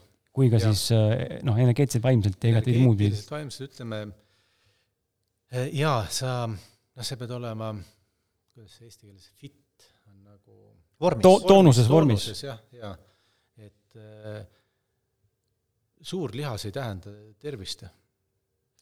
aga, aga ma, mul on üks aga, aga, aga mulle ei sobi see vastus. Ei, mulle sobib, mulle sobib, ma, ma, ma, ma tahan, ma, tahan praegu nagu kohe int-, intrigeerida natuke. et äh, Viktor Frankl, logoteraapia äh,, käis natsi äh, selles concentration camp'is. Ja mulle meeldib see mõte, mis tal on, see on minu arust nii kõva mõte, et, et, äh, et kui inimene saab ennast nagu olenemata oma situatsioonist, ka ma arvan, tervisest ja oma kehalisest võimekusest, kuidagimoodi leida tähendusrikkuse oma ellu, vaata. et siis ta tegelikult on võimeline ka noh, nagu vaatamata kõige hullematele tingimustele siiski tundma noh, nagu ma ei tea, kas ta nüüd õnnelik on, aga, aga ta saab mõjutada seda oma õnnelikkuse taset, vaata et minu arust meil on tohutu võime inimestena äh, ikkagi ise luua ka seda, seda maailma, vaata. sada protsenti nõus. et vaata, noh, mina oma igapäevatöös näen väga palju seda, kuidas inimesed on mõelnud ennast haigeks mm. -hmm. et meil on, noh, me saame luua oma reaalsuse, aga jube vähe inimesi, kõik inimesed on nõus, nõus sellega, et me suudame ennast haigeks mõelda. aga jube vähe inimesi on nõus sellega, et me suudame ennast terveks mõelda see on täpselt sama, see on lihtsalt sada kaheksakümmend kraadi teisele poole, et, et me muretseme, me teeme kõike selleks, et haigeks jääda. aga kui me nüüd suudaksime teistpidi keerata ja, ja noh, tippsportlased teavad seda, et, et vaim on see, millega sa võidad. et kehad võivad olla võrdsed või kellelgi võib olla palju tugevam keha, aga vaim on see, mis määrab ära, kas sa võidad või ei võida ja samamoodi, noh, sa tõid sellest kontsentratsioonilaagrist näite, et näiteks üks Eesti, mm, minevikust üks Eesti parimaid kümnevõistlejaid ja kuulitõukajaid, Heino Lipp, oli Siberis, samasuguses laagris, ja ta tuli sealt tagasi, ta tegi maailmarekordi kuulitõukes, ta ei saanud seal süüa, ta ei saanud, noh, trenni ta tegi, selles suhtes füüsiline töö oli kogu aeg, on ju. aga, aga vaim oli see, mis need inimesed kannab läbi sellest. ja vahet ei ole, kui ütleme, et siit hakkab kõik pihta ikkagi -hmm. et füüsiline keha on tähtis ja ta on tempel meil, aga kui sul siin ei kanna, siis vahet ei ole, kui kõva sul füüsis on, et yeah. see ei vea sind välja. ja see on ka huvitav, et, et et kui, kui seda õnnelikkuse taset on uuritud, eks ju, siis näiteks inimesed, kes on loteriivõidu saanud, eks ju, et, et kui tema see baastase, õnnelikkuse tase on teatud tasemel, siis ta võib korra selle loteriiga, noh, ma ei tea, aasta-paar maksimum, eks ju, olla nagu õnnelikum, aga tuleb, tuleb vaikselt tagasi sinna tasemele, kus ta tegelikult nagu noh, ise on ennast nagu mõnes mõttes defineerinud. Et ja samamoodi need, kes näiteks on äh, jäänud õnnetult, eks ole, invaliidiks näiteks, äh, tulevad ka tagasi, noh, kukuvad ära, aga tulevad tagasi oma selle nii-öelda baasnivoo tasemele. Minu jaoks on see nagu hästi huvitav, et, et tegelikult inimestes on olemas mingisugune selline noh, nii-öelda nagu baasõnnelikkuse tase olemas. jah, ma arvan, et see ongi see, et õnn ei hakka väljapoolt, vaid õnn tuleb su seest et see, mis su sees on, see, kuidas sa oled, et noh, sinnamaani saad jõuda. ja see, mis su sees on, see sõltub meie lapsepõlvest, see sõltub, kuidas meid on õpetatud ja nii edasi, noh, seal on nii palju asju, aga põhimõtteliselt see lotovõit või kingitus või auto või kes mida saab, see teebki su hetkeks, ta viib su korra sinna, sa tuled tagasi sellesse, mis su tegelik eh, sisu on. ja kui sisu ei ole, siis, siis ongi nii, nagu on. Mm.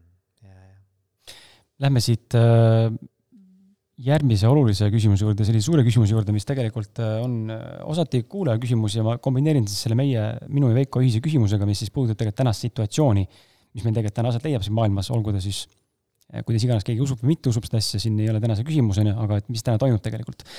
ja küsimus on meil selline, et äh, Maren küsib siis, et kuid äh, milleks on praegune, praegune aeg kasulik Äh, lugesin hiljuti, et praegune aeg paneb proovile inimkonna närvisüsteemi, kas nõustute selle väitega?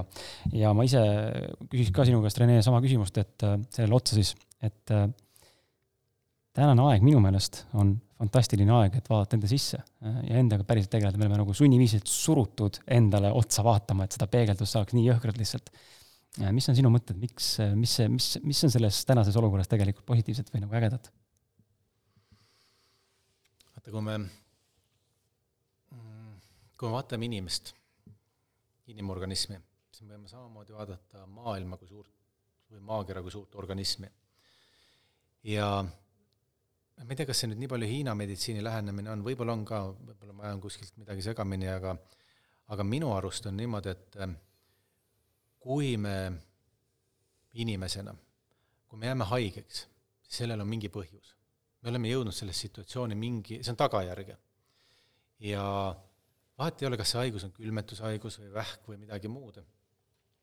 aga iga haigus tuleb meile õpetama midagi. ta tuleb õpetama, et me midagi oleme teinud, mitte valesti, aga, aga midagi oleme teinud niimoodi, et me siia olukorda oleme jõudnud. ja kui me sellest õpime, me õpime selle õppetüki ära, me enam ei pea siia tagasi tulema, sellesse olukorda, selle haiguse juurde. et eh, kui sa tead, kuidas vältida külmetushaigusi või viirusinfektsioone, siis sa ei jää nendesse enam või kui sa tead, kuidas oma keha toetada niimoodi, et sul liigesprobleeme ei, ei tekiks, siis neid ei tekigi. nüüd kui me vaatame suuremas plaanis maakera kui elavat organismi, siis ka kõik, mis meie igapäevaelus toimub, tegelikult on peegeldus sellest, mis energia me sinna oleme pannud või, või, või mis me oleme teinud, et ta, et ta tuleb meile näitama ja noh, see situatsioon, mis praegu on, ma arvan, et see on natukene sinna on natuke rohkem eh, tähelepanu ja energiat pandud, kui ta võib-olla algul väärt oli. Aga ta kindlasti tuleb meil näitama, et meil on vaja midagi muuta. individuaalses plaanis ja suures plaanis. nüüd mida muuta, see on, ma arvan, et igaüks peab ise selle selgeks mõtlema, aga noh, ma ei, ma arvan, mm, kuidas seda öelda et situatsioon, mis praegult on, ütleme, koroona ja vaktsiinid ja kõik muu, et äh, minu arust natukene vähe on tähelepanu pööratud ühele asjale, et äh, üsna vähe rõhutatakse tervise tugevdamist. et me kogu aeg räägime viirusega võitlemisest, me räägime äh, vaktsineerimisest, mis nii-öelda annab meile või aitab kehal toota antikehasid, aga aga see, et tulla nagu enda sisse, et hakata elama niimoodi, et et need viirushaigused nii palju ei mõjutaks, niikuinii nad mõjutavad inimkonda ja inimesi, aga et läbi selle saada tervemaks, ma arvan, et see on võib-olla jäänud sipakese tahaplaanile. sa mõtled, sa mõtled praegu seda, eks ole, et, et kuidas oma immuunsussüsteemi tugevdada üleüldse? jaa, ka immuunsussüsteemi, aga üldist tervist, et, et noh, keda koroona võtab ära, on tegelikult ju need inimesed, enamuses need inimesed, keda lääne meditsiin on aidanud elus hoida ja kelle eluiga lääne meditsiini abil on pikendatud, mis on noh, tegelikult lääne meditsiin on super töö teinud selle koha pealt, et pikendada inimese eluiga. aga tervena ela, elatud eluiga ei ole pikenenud. et äh, see on noh, me saame farmakoloogia või mingi muu siis meditsiinilise abivahendiga hoida keha mitte ära suremast. aga, aga ta ei vii tervisele lähemale, et võib-olla see on natukene tahaplaanile jäänud ja ja noh, selles suhtes ma noh, mul on lääne meditsiini taust, mul on Hiina meditsiini taust ja minu eesmärk on see, et neid kahte kokku panna, et ma ei taha, et ma ei taha otsida vastandu või ütleme, selliseid kokkupõrkekohtasid, aga üks, millele oleks vaja rohkem tähelepanu pöörata, on see, et kuidas me läbi selle kriisi saame enda tervist tugevdada mm. edasiseks. ja need ongi lihtsad asjad, needsamad, mis sa ütled, enda juurde tulek, enesega koosolek, on ju, töö-puhkuse tasakaal, toitumine, uni ja nii edasi, et need on nii lihtsad asjad, aga, aga noh, selles suures virvarris need unustatakse ära sageli. No minu arvates on üks niisugune äh, märksõna, mida see äh, uus äh, reaalsus on nagu toonud meieni, on nagu vastutus, et noh, et minu arvates see vastutustunne iseenda ja iseenda äh,, iseendaga hakkama saamise üle on suurenenud. et, et senised nii-öelda igapäevastruktuur, harjumused, kõik on olnud nagu pea peale visatud, eks ju, et sa pead nagu mingis mõttes võtma täiesti uuesti selle kõige eest vastutuse, et üles ehitada, mis nüüd, mismoodi sa nüüd siis selles situatsioonis nagu ikkagi toime tuled? ja, ja, ja noh, ma ütleks niimoodi, et inimeste terviseteadlikkus on väga palju tõusnud läbi selle. et noh, on mingi sihtgrupp, kes võib-olla nii palju sellele tähelepanu ei pööra, aga aga noh, mina ütleks niimoodi, et, et vaadates igapäevatööd, patsientide hulk, kes tahavad enda tervist tugevdada, on tegelikult palju suurem mm.. ja, ja ei ole ainult need, et, et nüüd oh, vaktsiin tuleb, et siis saab kõik samamoodi edasi minna, et noh, tegelikult ikkagi mõeldakse selle peale palju rohkem. ja, ja mis oli üliäge, oli see, et kevadel äh, mina ei ole nii palju inimesi metsa vahel jalutamas näinud. et nagu päriselt, see oli minu arust nagu äge inimesed läksid loodusesse tagasi. jaa, jaa. et äh, see liikumine, vot sellest me ei ole rääkinud. see on asi, millest, see, see füüsiline aktiivsus, liikuvus, äh, sinu enda taust ka, sa ei ole tegelikult väga palju sellest rääkinud äh, aga tegelikult sul on ju kõva sporditaust ka, sa tegid ju kümnevõistlust kõvasti. tegin kümnevõistlust jah, et jaa, ma arvan, et sellele, kui sa küsid, et kas füüsiline aktiivsus on tähtis, et siis ma ütleks selle niimoodi, et meile on antud füüsiline keha, mida tuleb liigutada. ja kui sa ei liiguta seda, siis ta jääb haigeks. et probleemid, noh tänapäeval tegelikult paljud probleemid, rahvasportlaste probleemid tekivad sellest, et nad liiga palju teevad. et see on jälle teise äärmus ja siis on igasugused challenge'id ja muud asjad, on ju, mis no ma olen öelnud seda alati, et terviseteemalised challenge'id on jama. täielik jama, selleks et see, see vaata, kui sa teed challenge'i vormis midagi, sa ei kuula oma keha enam. sa push'id üle piiri nii-öelda. ja, et jääsuplus võib hea olla teatud koguses. ma ei tea, mis neid challenge'id veel on olnud, et suusatamine või muud asjad, nad kõik on head teatud koguses, aga kui sa hakkad tegema neid sellepärast, et sul täna on vaja teha seda, siis see võib olla ka hea, aga sa võid sealt minna väga kergelt üle piiri. et äh, aga noh ma võin öelda, et see on mõnes mõttes jama, aga tegelikult see paneb inimesi liikuma, see on hea. aga mul on nii palju patsiente selliseid, kes on taliujujad ja kelle probleemid on sellepärast, et nad teevad taliujumist. jah, ja selle probleemi taga on see, et on kihlvedu. aa, okei, okei, okei. et sõbrannade grupp tuleb kokku ja nüüd me toetame üksteist, et iga päev käia jääaugus. ja, ja, ja. õnneks ma selle orki otsa ei ole astunud veel? sul ei ole sellist sõbrannade gruppi? ei, ei, ei tule ka, ma olen ikka rohkem nagu, ei, see ei ole minu teema üldse, ma olen saunamees, saunas ma võin käia. aga see on ka huvitav muide, et, et mi-, miks, miks mulle näiteks sobib niisugune kuumus. ma mäletan, kui ma jooksin maratone, siis mulle sobiks kuum ilm mulle meeldis see, kui oli kuum, teised olid hädaldasid, oo, ma ei tea, ikka siin kolmkümmend kraadi, kuidas ma jooksen. mulle sobis kusjuures ja see, mulle meeldib saunas ka hästi pikalt olla, isegi kuumad vannid ja värgid. Ju su kehale on vaja väljapoolt äh, sellist young energia toetust, soojust mm.. et äh, noh, kui sul on, ütleme, sees on vähe tuld, mitte et ma ütlen, et sul tuld vähe sees on. muidugi ei ole, mul on tuld küll et äh, siis see väline kuumus või tuli, see võib noh, su viia tasakaalust välja, aga kui sa oled selline natukene jahedamat tüüpi, siis väline soojus on toetuseks sinu jaoks. ja mulle meeldib tšilli, mulle meeldib äh, ingver, mulle meeldib, mulle meeldib teravus. seda, sulle meeldib soojus. aga mis mulle ei meeldi, mulle ei meeldi sibul, mulle ei meeldi küüslauk, mulle ei meeldi karulauk, mulle ei meeldi lauglised, üldse mulle ei meeldi. jaa, no ma arvan, et äh, nagu üks, äh, ma ei mäleta, kes see oli, aga keegi ütles selle kohta, et äh, sometimes banana is just a banana, et me ei pea iga asja tagant otsima mingit, äh, mingit seletust, et et kui sulle ei meeldi, siis ei meeldi. palun. ma ei soovi, aitäh. tuleme, sa korra alguses mainisid, et te olete siin tegelenud ka puhastumise ja, ja, ja muude tehnikate ja imetööriistadega, mida tavainimene võib-olla igapäevaselt ei tee. mul on väga suur huvi, äh, sest et äh, paastumisest, äh, puhastamisest, ma ei tea, mis iganes nendes versioonides räägitakse, väga palju inimesed teevad asju, ma pole kunagi läbi ühtegi paasti läbi teinud ega mingit, ma olen teinud lühiajalist paasti, see on siis intermittent fasting.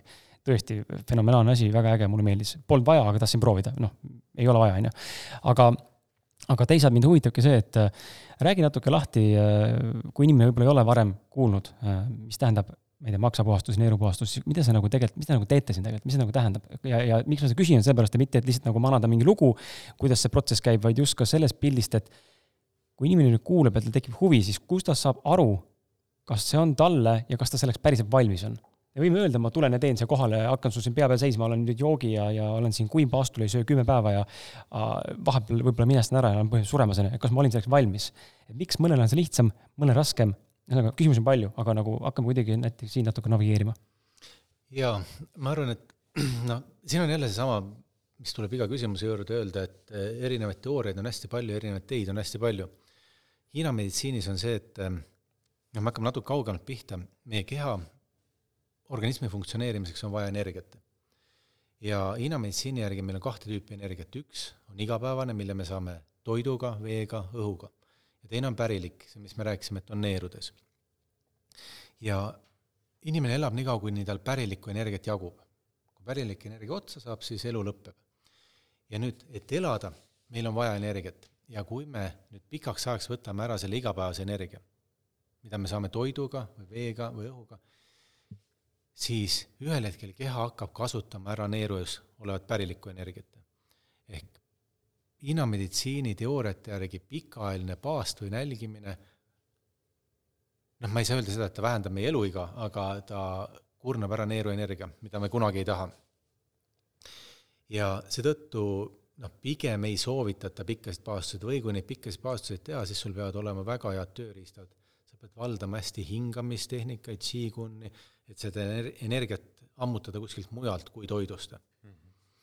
nüüd äh, kui rääkida puhastumisest, siis organism puhastub igapäevaselt, kogu aeg, iga hetk. maks töötab, neerud töötavad, kopsud töötavad, nahk, soolestik, see on noh, fenomenaalne süsteem, mis saab ise väga hästi hakkama, kui me loome selleks äh, soodsad tingimused. paraku tänapäeval me oleme jõudnud sinnamaale, kus meie keha ei saa kõigega enam hakkama. et me elame toksilises keskkonnas, noh, Eesti on tegelikult suht hea selle koha pealt, et meil on puhas õhk, meil on puhas vesi, aga ikkagi me sööme sisse, me hingame sisse, meie keskkond, noh, töökeskkond, sellest on küll räägitud, meil on valgusreostus, meil on ventileeritud õhk näiteks, ja rääkimata siis sellest muust, ütleme, kogu tehnikast, mis meie ümber on. Et äh, me oleme viinud oma kehad ja me, emotsioon, emotsioon on ülitähtis, mis äh, tegelikult takistab ka puhastumist. Et me oleme viinud oma kehad sinnamaale, kus tegelikult hakkab meie kehasse kogunema see jääk, mis seal ei peaks olema. ja seetõttu noh, ma olen ikkagi sellel seisukohal, et, et tegelikult, kui me kõik asjad teeme ära, meil ei ole vaja mingit puhastust teha, sellist kunstlikku puhastust. aga paraku noh, tavaelu on selline, et meil on seda vaja mingi aja tagant teha. ja nüüd noh, see, mida me siin teeme, me kasutame erinevaid äh, taimseid preparaate, erinevaid selliseid ensü-, ensümeeritud äh, taimesegusid, mille eesmärk on see, et see on ühepäevane puhastus ja miks ma selle olen valinud, ongi see, et see ühepäevane puhastus ei kurna ära neeruenergiat, aga ta aitab üsna hästi siis kas maksa või soolestiku puhtaks teha. ja miks mulle see siin, ütleme, noh, kui see kontseptsioon kokku võtta, siis ma ütleks niimoodi, et äh, kaks asja. et kui ma siin teen inimestele kolm või neli raviseanssi, siis nende tulemus minu jaoks ei ole kolm või neli, vaid nende tulemus on kaheksa või kümme. kui ma linnas kliinikus teen kolm või neli raviseanssi, see tulemus on kolm või neli. miks see siin on nii parem, on see, et äh, see ühepäevane puhastus, mis me teeme, see teeb inimese kehad nii palju vastuvõtlikumaks ja nii palju, piltlikult öeldes, neid on palju lihtsam voolida mm. uuesti terveks ja noh, eks äh, pärast osalejad võivad, nad on alles poolel teel, aga nad on suht head juba. aga iga päevaga lähevad aina paremaks. et äh, see, mm, ma arvan, et ideaal on see, kui teha see üks puhastus ära ja siis jätkata niimoodi, et ei ole rohkem vaja puhastada. aga kui me elame tänapäeva elus, me sööme seda toitu, mis me sööme äh, me hingame seda, mis me hingame ja me teeme neid füüsilisi tegevusi, mida teeme või ei tee, siis meie keha lõpuks jõuab sellisesse seisukorda, kui teda vahel on vaja aidata mm. aga, aga minu arust see oli ka hea küsimus, et, et mida siis see Hiina meditsiini äh, valguses see baas tähendab nagu praktikas? kas, kas seda on võimalik kodus ise ka teha või on Ikka, see ikkagi, on jah? ja, ja, et noh, sa võid paastu teha ka niimoodi, et sa äh, sa oled vee peal ühe päeva, et kui sul on tugev organism, ta ei tõmba neerusid tühjaks, et eh, su keha hakkab teistmoodi tööle lihtsalt. aga noh, see, mis me siin teeme, meil ei ole paastulaager siin, et eh, see ühepäevane puhastus on lihtsalt üks tööriist, et ette valmistada keha ja vaim selleks, et, et ravi hakata tegema. aga muidugi, see, mis Kris välja tõi, see intermittent fasting, see on parim asi, mis inimene teha saab. et ta noh, näiteks sööb hommikusöögi korralikult, sööb lõuna kahest-kolmest ja peale seda ei söö rohkem. ja järgmine söök on hommikul. Mhm. et see on tervise seisukohast väga hea. on jah? väga hea. aga seal ei ole vahet enam nüüd, oota sa mainisid, et sööb hommikul, lõunal ja õhtul näiteks seal võib olla ka see, et hommikusöök jääb üldse vahele ja sööd lõunal ja õhtul? või seal on vastupidi, peab olema hommik ja lõuna? seal on jälle erinevaid teooriaid okay. aga, aga kui me läheme sinna, mis me algul ütlesime, et öösel su seedekulg peab olema tühi, et su maks saaks töötada et kui sa nüüd öösel sööd kõhu täis, siis noh, su keha ei saa seda puhastumist teha mm, -hmm. mida tal on just vaja teha mm. -hmm. ja kui me sealt läheme, ütleme, maksaaktiivsuse aeg on ühest kolmeni, siis ta töötab kõige aktiivsemalt. nüüd kui me sealt edasi läheme, siis jämesoole aktiivsuse aeg on viiest seitsmeni. ja see peaks olema see aeg, kui keha tühjendab ennast. et kogu see sodi, mis maks on nii-öelda välja toonud, noh, ta ei tule kohe soolestiku kaudu välja, aga aga vana peab eest ära minema, et see saaks edasi liikuda. ja nüüd, kui sa õhtul sööd kõhu täis, siis su keha energia läheb sellele, et toitu seedida ja loomulikult sa ei tahagi hommikul süüa. aga sa ei ole keha toetanud tegelikult. no vot, väga pull värk. mina, minu, minul on paastumisega väga vähesed kogemused. igapäevane kogemus? ei, ei ole, ei ole, aga, aga ma olen ühe korra teinud niimoodi, et neli päeva ei söönud, ainult jõin vett ja teed Ehm, ja siis selle hetke, tegelikult mul ei olnud isegi eesmärk, kas see on neli päeva või rohkem. ma ühel hetkel lihtsalt lõpetasin sellepärast ära, et silmanägemine hakkas udus, uduseks minema, et noh, selles mõttes see ei olnud nagu ilmselt väga mõistlik. aga ma lihtsalt tahtsin teada, vaata, inimene peab äh, testima, äh, eksperimenteerima, mida tähendab. ja ma muidugi Milestan... elasin kogu oma elu edasi, nii et ma käisin jooksmas samal ajal, ma käisin tööl, kõik täis elu käis sellel paralleelselt et ja vaata, ma arvan, et see oligi see etapp su elust, kui sa kasutasid ära paari aasta jagu oma pärilikku energiat. arvad või? ära jama, kuule, ära jama, see ei ole hea uudis. seda tagasi ei saa ei, seda saab toetada küll tegelikult, et selleks on võtted olemas ja harjutused. ma võtan siia küsimuse vahele, Sirje küsib, et kui on, kui on võimalik, siis kuidas toetada ja suurendada elutahet? kas eluenergia on seotud elutahtega? Hmm, see on väga hea küsimus selleks, et kui me rääkisime, et iga organ on seotud mingi emotsiooniga, siis iga organ on seotud ka mingi vaimse aspektiga. ja elutahe on seotud neerudega. et tahtmine midagi teha, tahtmine, ütleme see, mis inglise keeles on see drive, see, mis paneb su liikuma, et see on seotud neerudega ja kui neeruenergia on nõrk, siis kaob tahe ära. ja teine asi, ütleme, millega saab neerud hästi tühjaks tõmmata, on tahtejõuga tegemine. et kui sa oled väsinud, aga sul on kõva tahtejõud, sa tead, et sa pead selle eesmärgini jõudma, sa pead siit seinast läbi minema, siis see on see, mis kõige paremini tõmbab neerud tühjaks. ja siis nad on nii tühjad, et sul ei ole tahtejõudu enam ega midagi, et ehk siis sealt tekib läbipõlemine, piltlikult öeldes. tahtejõud, kui neerud on läbi, siis puudub tahtejõud ja puudub kurnatus on neeruenergia väga suur nõrkus läbipõlemine on see, mis viib sinnani. ja kui see on toimunud, noh, ütleme, me ei hakka siin rääkima sellest, et on taimi, millega neerusid toniseerida, et sa saad nagu energiat juurde, vaid tegelikult mis on see põhiasi, on ikkagi see, et sa pead aja maha võtma, kui on võimalik, ja ja siis hakata toetama erinevate asjadega, kas see on võimlemine, kas see on mingi ravi, kas see on toidulisandid, toitumine, seda pead tegema, aga sa ei saa sa ei saa teha niimoodi, et tahtejõud tuleb. et tahtejõud on tagajärg selleks, kui su neerud on tugevad.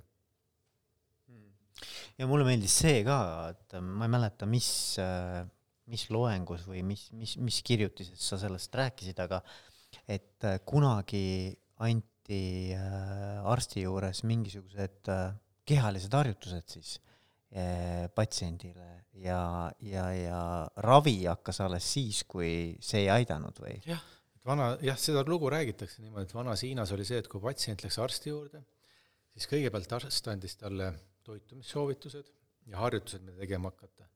ja see oli kolm kuud. Patsient tegi seda ja kui siis ikkagi olid terviseprobleemid, siis ta sai ravile alles mm. -hmm. aga noh, üldjuhul nad said selle ajaga terveks juba. ja, ja, ja väga äge.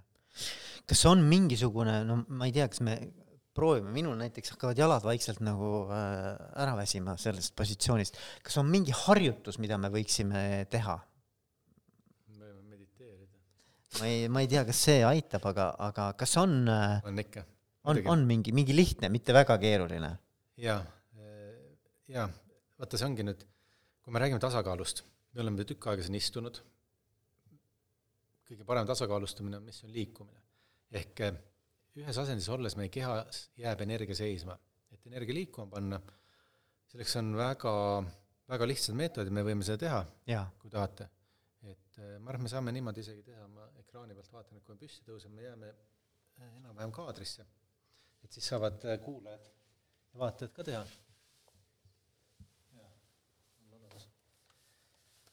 et ähm, see on selline hästi lihtne harjutuste tsükkel või, või juurdeviivad harjutused või soojendusharjutused, mis äh, aitavad kehas energia liikuma panna. ja mida võib teha hommikuti ärkamiseks, mida võib teha päeva ajal, kui sa oled kaua istunud või midagi teinud. ehk siis alustame sellest, et võtame teise-kolmanda sõrme, paneme vastaskäe sõrme ümber ja tõmbame nii-öelda nagu üle sõrme otsa. et sellega me avame sõrmedel olevate energiakanalite algust. jah, jah. see plõks. sul plõks käib, mul ei käi plõksu ma olen aastakümneid teinud seda. aa, spetsialist, jah. jah, et äh, siis tõmbad nagu üle sõrme otsa lihtsalt. nii, sama võib varvastega teha, aga võib varvastega ka niimoodi, et nagu, nagu kaevaksid ennast liiva sisse, et äh, jalgadel olevad energiakanalid lahti teha. Siis samal ajal võõru käed soojaks ja kätes energiaveri liikuma. ja kui käed on soojad, masseeri ninaküljed. see on väga hea ka külmetushaiguste profülaktikaks, nina hingamise parandamiseks. siiski õrnalt nägu üle, see parandab näonaha elastsust, kortside profülaktika, aga see ei, ei tähenda väga hea, see väga hea. jah, aga Veiko, kuule, see jälle selline, et sa nagu tõmbad kõrva taha omal näonaha, vaid õrnalt. ma tegin tugevalt, okei. Okay.. et äh, nii, siis masseerid peanaha, see parandab ajuverevarustust. See on hea äratamiseks ka, et eh, siis võtad, masseerid kõrvad üle, kõrvade peal on pilt, eh, refleksoteraapia järgi pilt kogu organismist. Ja kui sa niimoodi kõrvad soojaks ajad, siis kogu kehas läheb energia liikuma. Okay.. siis natuke venita oma kõrvasid, õrnalt allapoole, ülespoole. ära siis ära tõmba, Veiko, on ju? küll ei ole, kõike mõõdukalt. nii, ja siis on üks väga hea asi üle kogu keha, et sa patsutad läbi niimoodi kaelapea, et selle patsutamisega sa paned ka lokaalselt energia liikuma. seda ma olen Urmas Sõõrumat näinud tegemas. no vot, siis käed et see on nüüd see, mis on just selle seiskunud energia liikuma panemiseks. siis eest kõht, rind, siis jalad.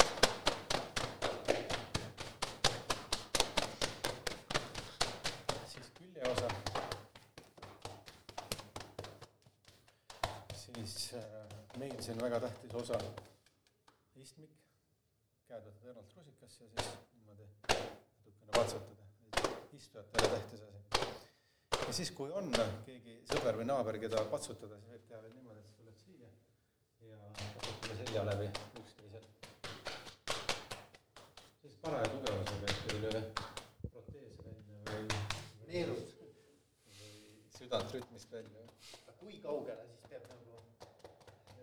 ütleme, see alaseljani, jah, jah.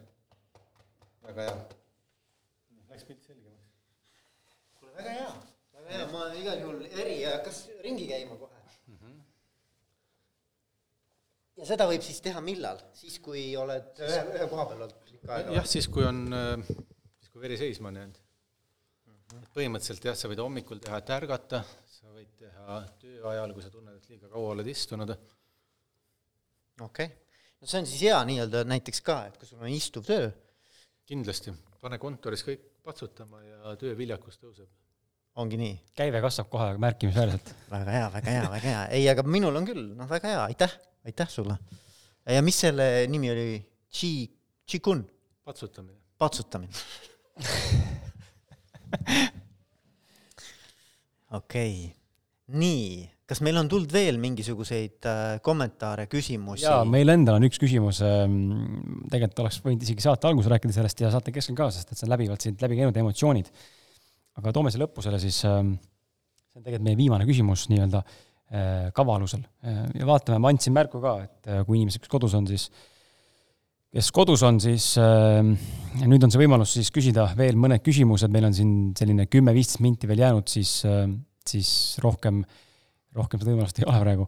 Ehm, ja küsimus on äh, väga lihtne, et ähm, kas ja miks me peaksime tegelema oma emotsioonide ja mõtetega ja kuidas on lood tunnetega, sest et ähm, noh, natukene oleme seda puudutanud, aga just selle koha pealt, et äh, tahtsin küsida teie mõlema käest ka ja, ja tegelikult ka siin inimesi, kes istuvad ja kodudes ka, kas sina pead ennast ise emotsionaalseks inimeseks?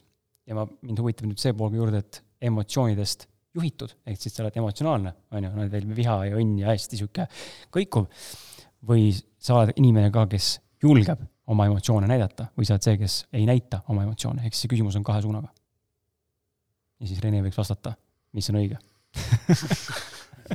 nii öelda niimoodi, et lajatada nii on õige ja, ja nii peab olema. punkt. punkt diskussioon puudub, on ju. jaa, ma arvan, et siin on üks, üks hea ütlus, mis ma jälle ei mäleta, kust see tulnud on aga eh, kui me vaatame ka Hiina meditsiini seisust, seisukohast, et emotsioon võib olla haiguspõhjus, kui teda on liiga palju või liiga sageli või liiga pikalt, aga see on see, et mitte, et me ei pea emotsioone maha suruma, kõik emotsioonid on, nad väljendavad meie sisekeskkonda. aga küsimus on see, et kas emotsioon juhib sind või sa juhid emotsiooni. mitte emotsiooni juhtimine ei ole see, et ma nüüd emotsioneeri üldse. aga see on pigem mõeldud seda, et kas sa peale emotsiooni tajumist või kogemist suudad tulla tagasi keskmesse. et kui emotsioon juhib sind, siis ta veab sind välja, ta hoiab sind seal nii kaua, kuni sa oled upakil. aga kui me ütleme, kui me oleme kohal ja teadlikud oma emotsioonidest, siis on normaalne, on see, et et Veiko ütleb midagi lolli, ma vihastan selle peale näiteks. mida ma ei ütle muidugi. jah, ja ma ei vihasta aga põhimõtteliselt, et, et äh, me saame läbi emotsiooni väljendada oma reaktsiooni välisele, aga meil ei ole vaja sellega kaasa minna. Et ma arvan, et see on võib-olla see tähtis aspekt. aga mulle meeldib ka see mõte, et äh, et vaata, et sa püüad nagu kinni selle emotsiooni või nagu, et et, et vot, et äh, meil on mingisugused äh, sellised automaatsed reageeringud. ehk siis sa tea-, teadvustad? nagu jah, et mm -hmm. aga, aga see käib, ma arvan, et see käib ülikiiresti. kas sa lähed kohe nii-öelda sellesse re, nii-öelda reageerid ära või see mingi, sa tunned juba, tead, nagu käib kehast käib mingisugune asi läbi ja siis oot-oot-oot, mis nüüd praegu toimub, on ju. ja siis valid, kuidas sa reageerid sellele. aga ma arvan, et see on nagu nii kiire äh, ja me tavaliselt alateadlik, alateadlik isegi, jah mm -hmm sa, Veiko, ju peaksid vastust tegelikult teadma, üks väga hea praktika on äh, väike laps. Äh, sa kas lähed närvi või ei lähe, kui ta ikka sind lähed. käivitab. muidugi lähed ikka lähed. aga ma olen näinud oma tütre juures, et ma olen õppinud äh, reaalselt märkama seda, kui ma, et olen see hetkes, tunnen nüüd ma olen närvi, siis ma saan aru, et okei okay,, nüüd see pask sõna otseses mõttes hakkab kerima ja ma lähen siit väga närvi kohe, kui ma ei suuda ennast nagu vaos hoida ja selle mõtte tabamine või nagu selle hetke tabamine on tegelikult äge, siis sa yeah. saadki aru sellest, et okei okay,, aga ma ei pea ju plahvatama, ma ei pea tegelikult reageerima praegu, mis see on siis, kukkus midagi maha või tegi midagi või big deal. aga kuidas äh, sul, Rene, on selle emotsionaalse maailmaga ja mida sa oskad mul on ka väiksed lapsed. Aga mida sa oskad inimestele soovitada, kuidas äh, päriselt siis teadvustada endale, kuidas ennast märgata, kuidas teha see stopp, et ma ei läheks reageerimisse? ja ma arvan, et vaata, sa ütlesid tähtsa asja siin ära, reageerimisse, et äh, minu arust emotsioon on reaktsioon. ehk küsimus on selles, et noh, see on meie sisekeskkonna peegeldus, et kui sa reageerid emotsiooniga, siis see tähendab seda, et oli mingi koht, kuhu ma sain sul nii-öelda küüned taha või oli mingi nagi, kuhu ma sain riputada asja või et, et midagi oli ja noh, see on paari suhtes, ma arvan, et ülitähtis see, et kui sul partneri juures midagi ärritab sind, siis vaata enda sisse, et partner ei ärrita sind, vaid sina reageerid mm. -hmm.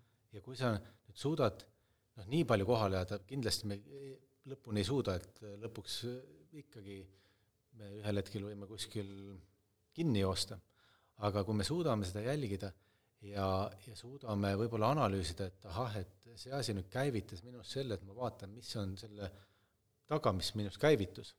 ja kui ma sellest saan aru, saan selle läbi töötada, siis see enam ei käivita mind. aga noh, see on jube hea on siin punases nurgas niimoodi rääkida, aga kui sa päriselus oled, siis, siis on asi natuke teine. Äh, võtan siia siis äh, vahele ühe küsimuse veel, inimene, inimesed on küsinud siit äh, viimase, võtame viimased kaks küsimust, sobib teile? pane, pane. Veiko on täitsa suva. grupile ka, et nad saavad ka muidugi saavad. ma mõtlen viimased kaks kodustelt, kes vaatavad meid veebis Äh, viimane küsimus siis, eelviimane küsimus tähendab, kuidas parandada nägemist, tugevdada silmi, kas Hiina meditsiin sind toetab kuidagi? see on hea küsimus, mulle meeldib see küsimus. spirituaalsed äh, õpetajad, gurud ütlevad, et silma nägemine, kui on kehv, sul on prillid, siis see on see, et sa ei taha midagi vaadata. ma ei ütle, et see ei ole nii.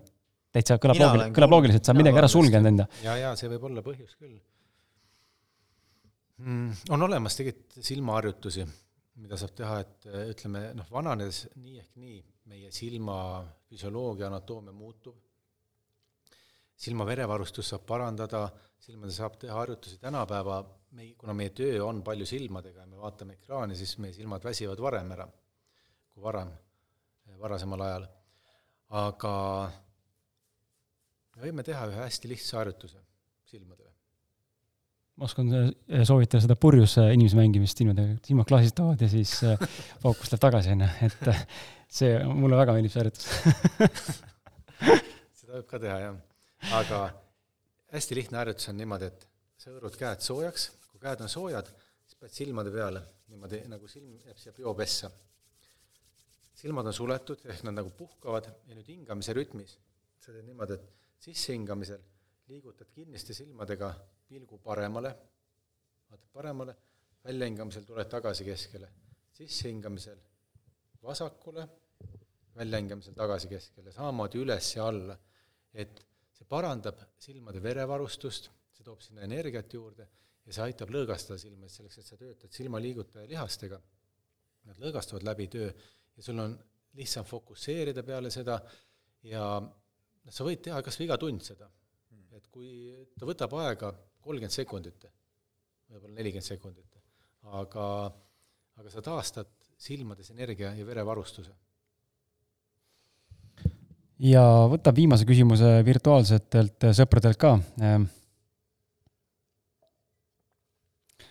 Äh, jah, mul juhiti tähelepanu sellele, et kaks küsimust on vastamata, aga need kahjuks jäävadki vastamata, need on meil vahele jäänud jah, et äh, viimane küsimus, võtame praegu siit on, tuleme korraks toidu juurde, siis mis on veel lima suurendavad toiduained, kui sa oskad äkki mõne nimetada?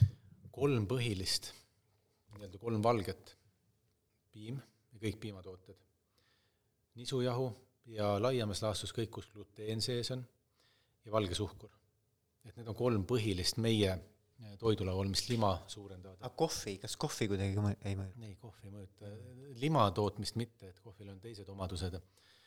aga ja noh, võib-olla ta ei ole nüüd otseselt, aga kaudselt ütleme, niiskuse lima ümbertöötamisega meie kehas on seotud magu, kõhuneärepõrn ja nende tööd kahjustab hästi palju see, kui külmasid asju süüa või juua mm.. et see ka kaudselt aitab tekitada lima. et soojad joogid, soe söök ja noh, kui on lima sees, siis need kolm asja tuleb ära jätta. kuule, aga vaata, et, et arvad, et me ei vasta, äkki vastame? aa, nüüd niimoodi paneme tanki mind, jah? juba ütlesin, juba ütlesin ära, vaata kõva mehena, et me nendele ei vasta, et ei, ei, nii on ja siis nüüd Veiko tuleb siin, hakkab suruma, et äh, okei okay,, seitse kakskümmend kaheksa. Ehm, äh, okei okay,, leidsime ülesse mm. -hmm. hea küll, ma küsin siis, hea küll hea küll. kas äh, geneetiline haigus on õppetund suguvõsale põlvest põlve? tundus mulle liiga hästi spirituaalne küsimus, et võib-olla ei lähe nagu konteksti, selles mõttes siin ka vahele. Läheb natuke... küll konteksti, selles suhtes läheb otseselt konteksti, et geneetiline haigus ei pea väljenduma. et enamus geneetilisi haigusi väljendub siis, kui on soodsad tingimused selleks.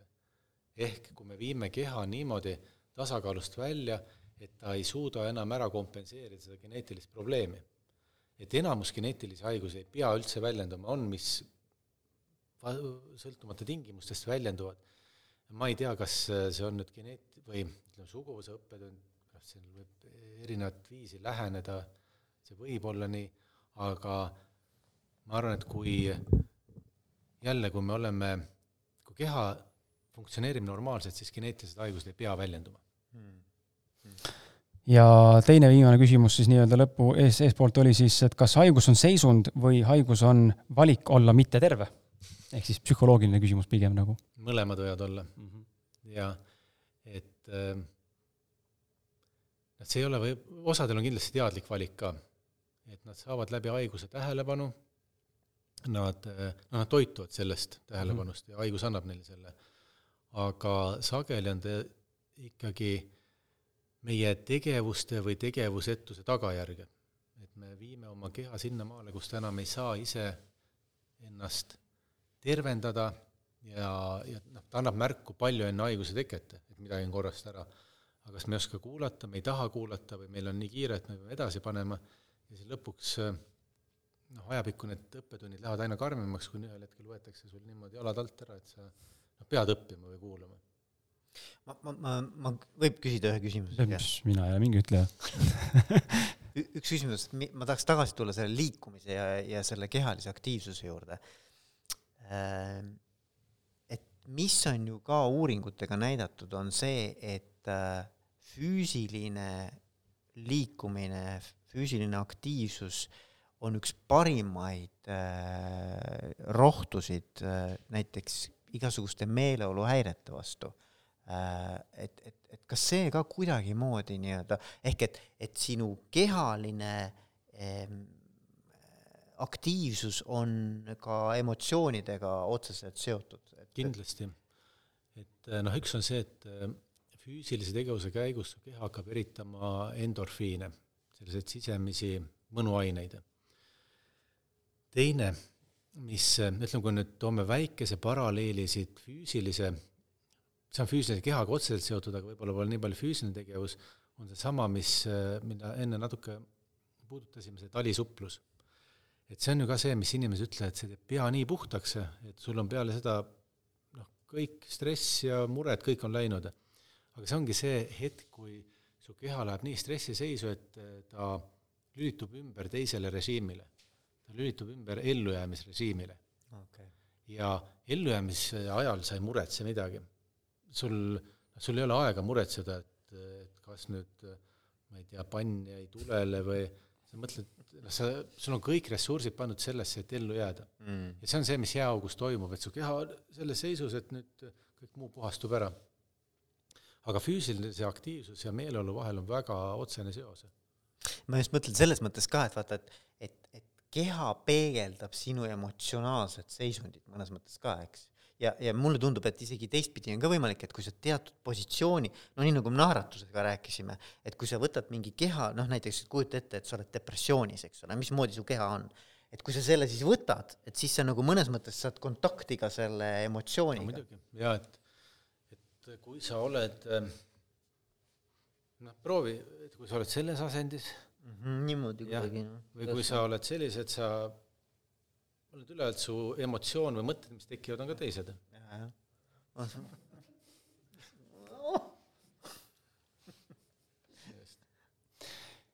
Rene, sa mainisid, et, et sa lubasid anda ka siinsetel ruumis olevate inimestele sõna ja küsimuse küsimise hetke, et nüüd on see aeg.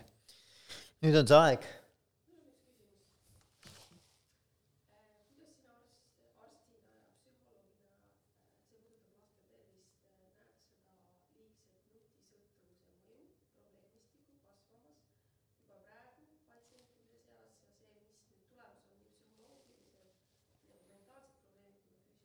me peame kordama ja. seda küsimust. küsimus oli siis äh, sõna-sõnalt kõik meelde ei jäänud, aga küsimus on seotud siis laste, laste tervisepsühholoogia ja siis nii-öelda nutitelefonid ja nuti selle mõju, kuidas see üldse talle mõjub äh, ja nutiseadmete mõju ja kuidas see ja kuidas see psühholoogiliselt mõjub, eks mm. -hmm.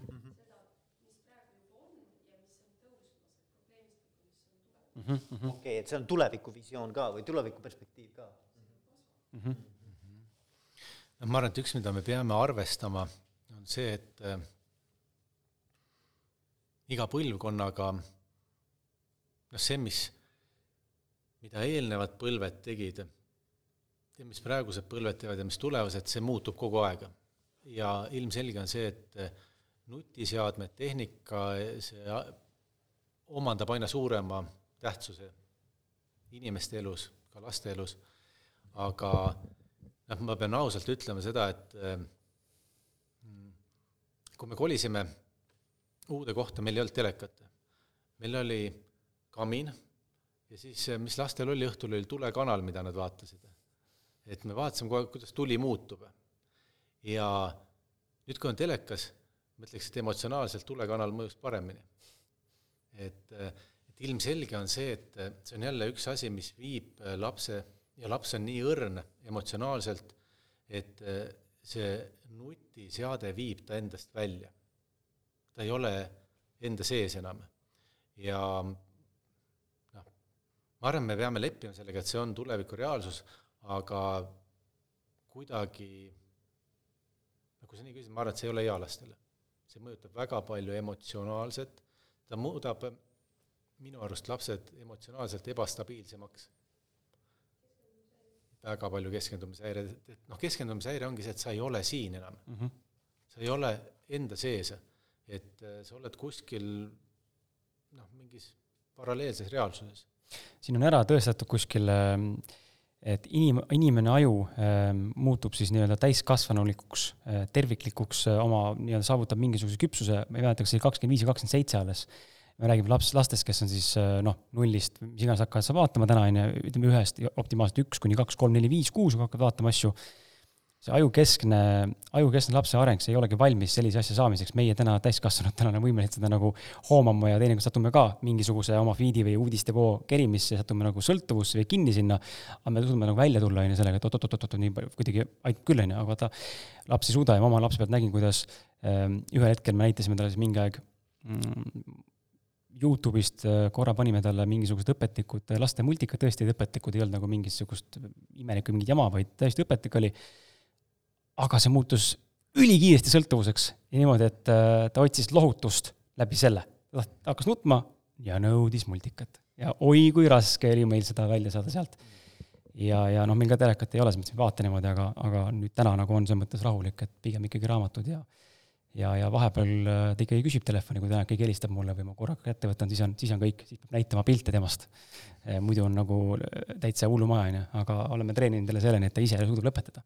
no kõik või mm? -hmm. siis paneb kinni klahvi, on ju. et aga kätte lapsele küll seda ei annaks, noh, see on minu jaoks nagu täiesti, mis ma täna näen nagu kaubanduskeskustes või üldse mingites mingites peredes ma ei taha kellelegi näpuga näidata, on ju, aga kui lastele kätte veel anda see ka, et näe, scroll ise vaata või vaata ise pilte, siis see on juba eriti hull nagu see haaramine, et äh, igal juhul tuleks eemal hoida, ma arvan, sellest võimalikult kaua aga lõpuni ei saa hoida, no see on selge, et ma arvan, et me ei saa äh, lõpuni hoida, võib-olla nende aju arenebki teistmoodi niimoodi mm, -hmm. et nad saavad täiskasvanuna teistmoodi asjadega hakkama. uus generatsioon nii-öelda. uus generatsioon, ma ei tea seda, et me mm, -hmm. noh, meie vaatame ikka oma vaatepunktist seda ja ja noh, minu vaatepunkt on see, et ma arvan, et see ei ole hea neile. see on samasugune võrdlus ju, nagu tegelikult täna on, kui me vaatame meie veel vanemaid generatsioone, kes on üles kasvanud näiteks ühel ärimudelil või kuidas maailmas raha saab teenida, siis see, kuidas täna raha tegelikult maailmas tuleb, on ju noh, see on fenomenaalne, mis võimalused tegelikult täna olemas juba loodud on, mida polnud varem võimalik näha ja siis äh, see on ka neile võib-olla raske vastu võtta, et ah, niimoodi saab ka või, et see ongi lihtsalt nii suured paradigma muutused. no mulle, mulle jäi meelde Jaan Aru, kes on siis ajuteadlane, tema ütles, et tal on seitsmeaastane laps ja tal ei ole nutiseadet. noh, mis on tänapäeval päris nagu erakordne, seitsmeaastasel, eks ole, noh, et, äh, et nojah, ma arvan, et see on teema. jaa, ja minu arust oli üks hea film, ma ei mäleta, mis selle nimi oli kus olid äh, Facebooki, Google'i, keegi kõrged tegelased, kes äh, ütlesid seda, et nad on enda lastele ära keelanud äh, sotsiaalmeedia kasutamise. selleks, mida? jaa, social media, jah, et Social, social dilemma oli see, jah? jaa, jah, et noh, kui selline inimene, kes seda loonud on, ütleb selle välja. ütleb seda, et tema oma lastel ei luba seda kasutada selleks, et see on siis paneb mõtlema, on ju. kas ruumist tuleb veel?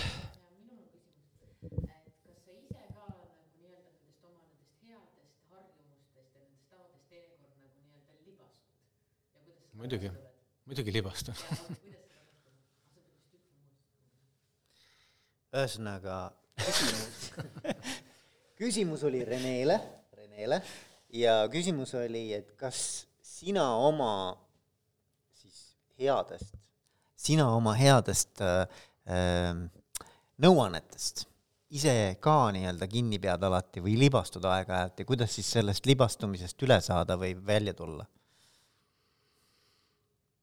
ja ma hakkaks natuke keerutama selle, kuigi ma algul ütlesin kohe muidugi, aga aga et see, üks asi on äh, nüüd see libastumine, teine on see, et äh, nagu ma nüüd enne ütlesin, et äh, et haigused on alati märk sellest, et meil on õppetund õppimata.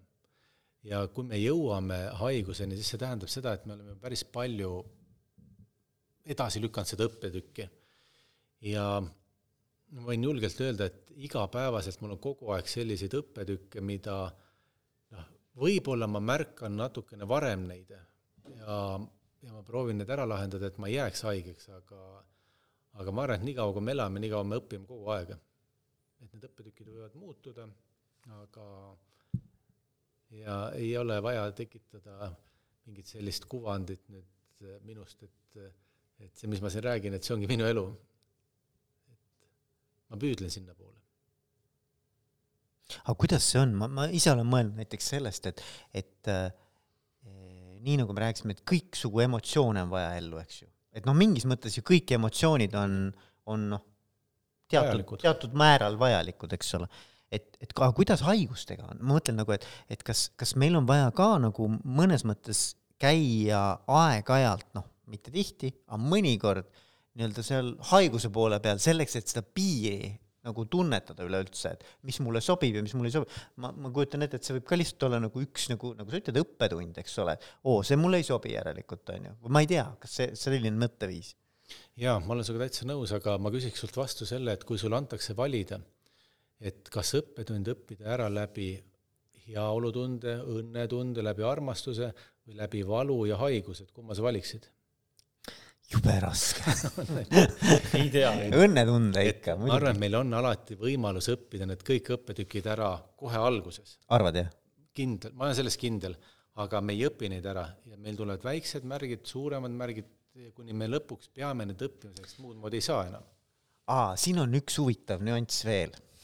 tooks sisse ühe huvitava nüansi.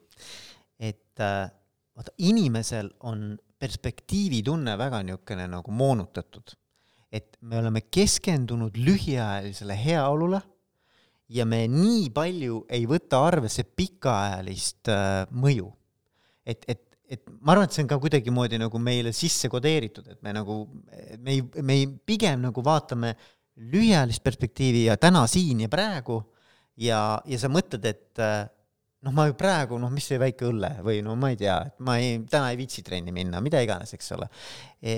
aga kui sa seda nüüd jätkaksid, sedasama mõtteviisi aastakümneid, siis sa lõpuks oledki kuskil hoopis sellises kohas, kus sa tegelikult sel hetkel, kui sa iga päev nagu selle noh, täna ju võiks, noh, mis see täna ära ei ole.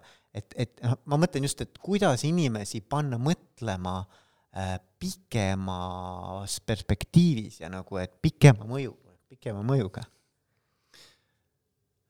ma küsiks sult niimoodi, et eh, kui suur summa on sinu jaoks eh, suur summa raha?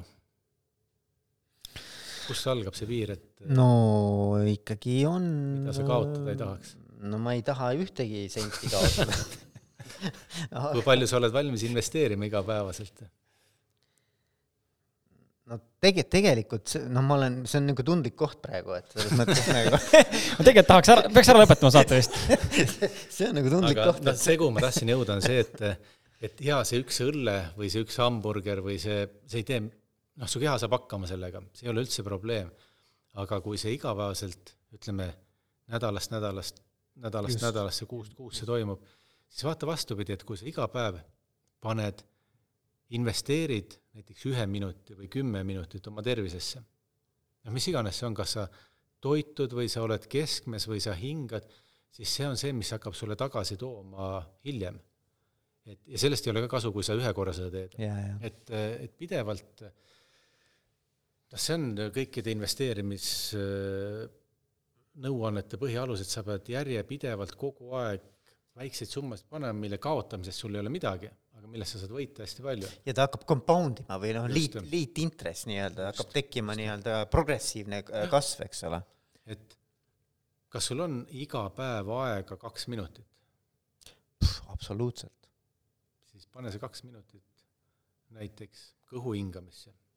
või seesama harjutus, mis me tegime mm. -hmm. no kaks minutit patsutada ennast on suht tüütu minut? no minut, jah jah, ja ei, see on õige. väikeste asjadega, et lihtsalt sa panedki iga päev natukene ja siis äh, ühel hetkel see hakkab sulle andma ma, ma arvan, ma arvan, et siin on jälle see küsimus, et kui kiiresti muutub see harjumuseks, vaata mm. -hmm. et kui kaua läheb aega sellise asja igapäevaseks nii-öelda regulaarseks tegemiseks, selleks, et see muutuks minu jaoks nagu noh, automaatseks mm. -hmm. et alguses pead seda tegema teadlikult, ette võtma, aga ühel hetkel jah noh, hambaid sa pesed iga päev? no ikka, jah jälle õrn koht, vabandust ei ole, see ei ole õrn koht, see, no täitsa julgelt ütlen jaa kuuskümmend kuus päeva on väidetavalt mingid teadusuuringud näidanud, et on, on see, mis kulub uue harjumuse automatismiks muutmiseks siis nii-öelda või tegevuse ja,. jah, jah, jah. eks see ilmselt on ka varieeruv, erinev inimeseti no see vist oleneb hästi paljudest asjadest, et ma ei tea, mis sa tahad võtta, et, et on see mingi lihtne asi või on see mingi keerulisem äh, muudatus nii, aga on meil veel midagi, midagi? mina ei oska midagi rohkem küsida. ei ole? aga mis me siis äh,, me, me, me lubame lub,, lubame midagi, lubame, lubame seda, et äh, me jagame nende osalejatega, kes meil täna siin nii-öelda vapralt kaasas on olnud jagame seda ikkagi, seda korralikku helisalvestist ka. mingil juhul, nali, muidugi jagame et, äh, et ärge muretsege, et kui see siin nüüd oli natukene hääle mõttes äh, kuidagi ei olnud kõige parem kvaliteet, et siis me seda teeme ja jaa, tuleb ja... nii helis kui tõenäoliselt ka videos, äh, noh, igal juhul kaamera mõlemad töötavad, jah, endiselt. ja siis Tegi. on olemas nii video kui heli et äh, ja teile ka, äh, kes siin ruumis on, siis läbi Rene, siis saate lingid, saate järele ja, vaadata, järele kuulata. lubage, et te vaatate ühe korra veel, ma arvan, võib-olla isegi kaks korda võiks vaadata, sellepärast et siin oli nii palju stuff'i minu arvates. jaa, kaks tundi, viisteist minti on vesteldud. väga äge. mina tahan tänada, Rene, sind, et sa noh, niimoodi, niimoodi ka, et, et sa kutsusid ja, ja et me saime tulla ja et sa olid nõus selle kõigega, et äh, minu arvates on olnud väga äge. ja, ja Kris, sind ka, et äh, me selle asja ikkagi ette võtsime ja ära tegime. -hmm. aitäh teile mõlemale! äge! aitäh teile ka! ja teile ka, et te vastu pidasite ja kodustele ka, aitäh sulle seal kodus ka, et sa vastu pidasid ja meiega olid, egas midagi. väga äge, aitäh! aitäh! tšau, tšau, tšau, tšau!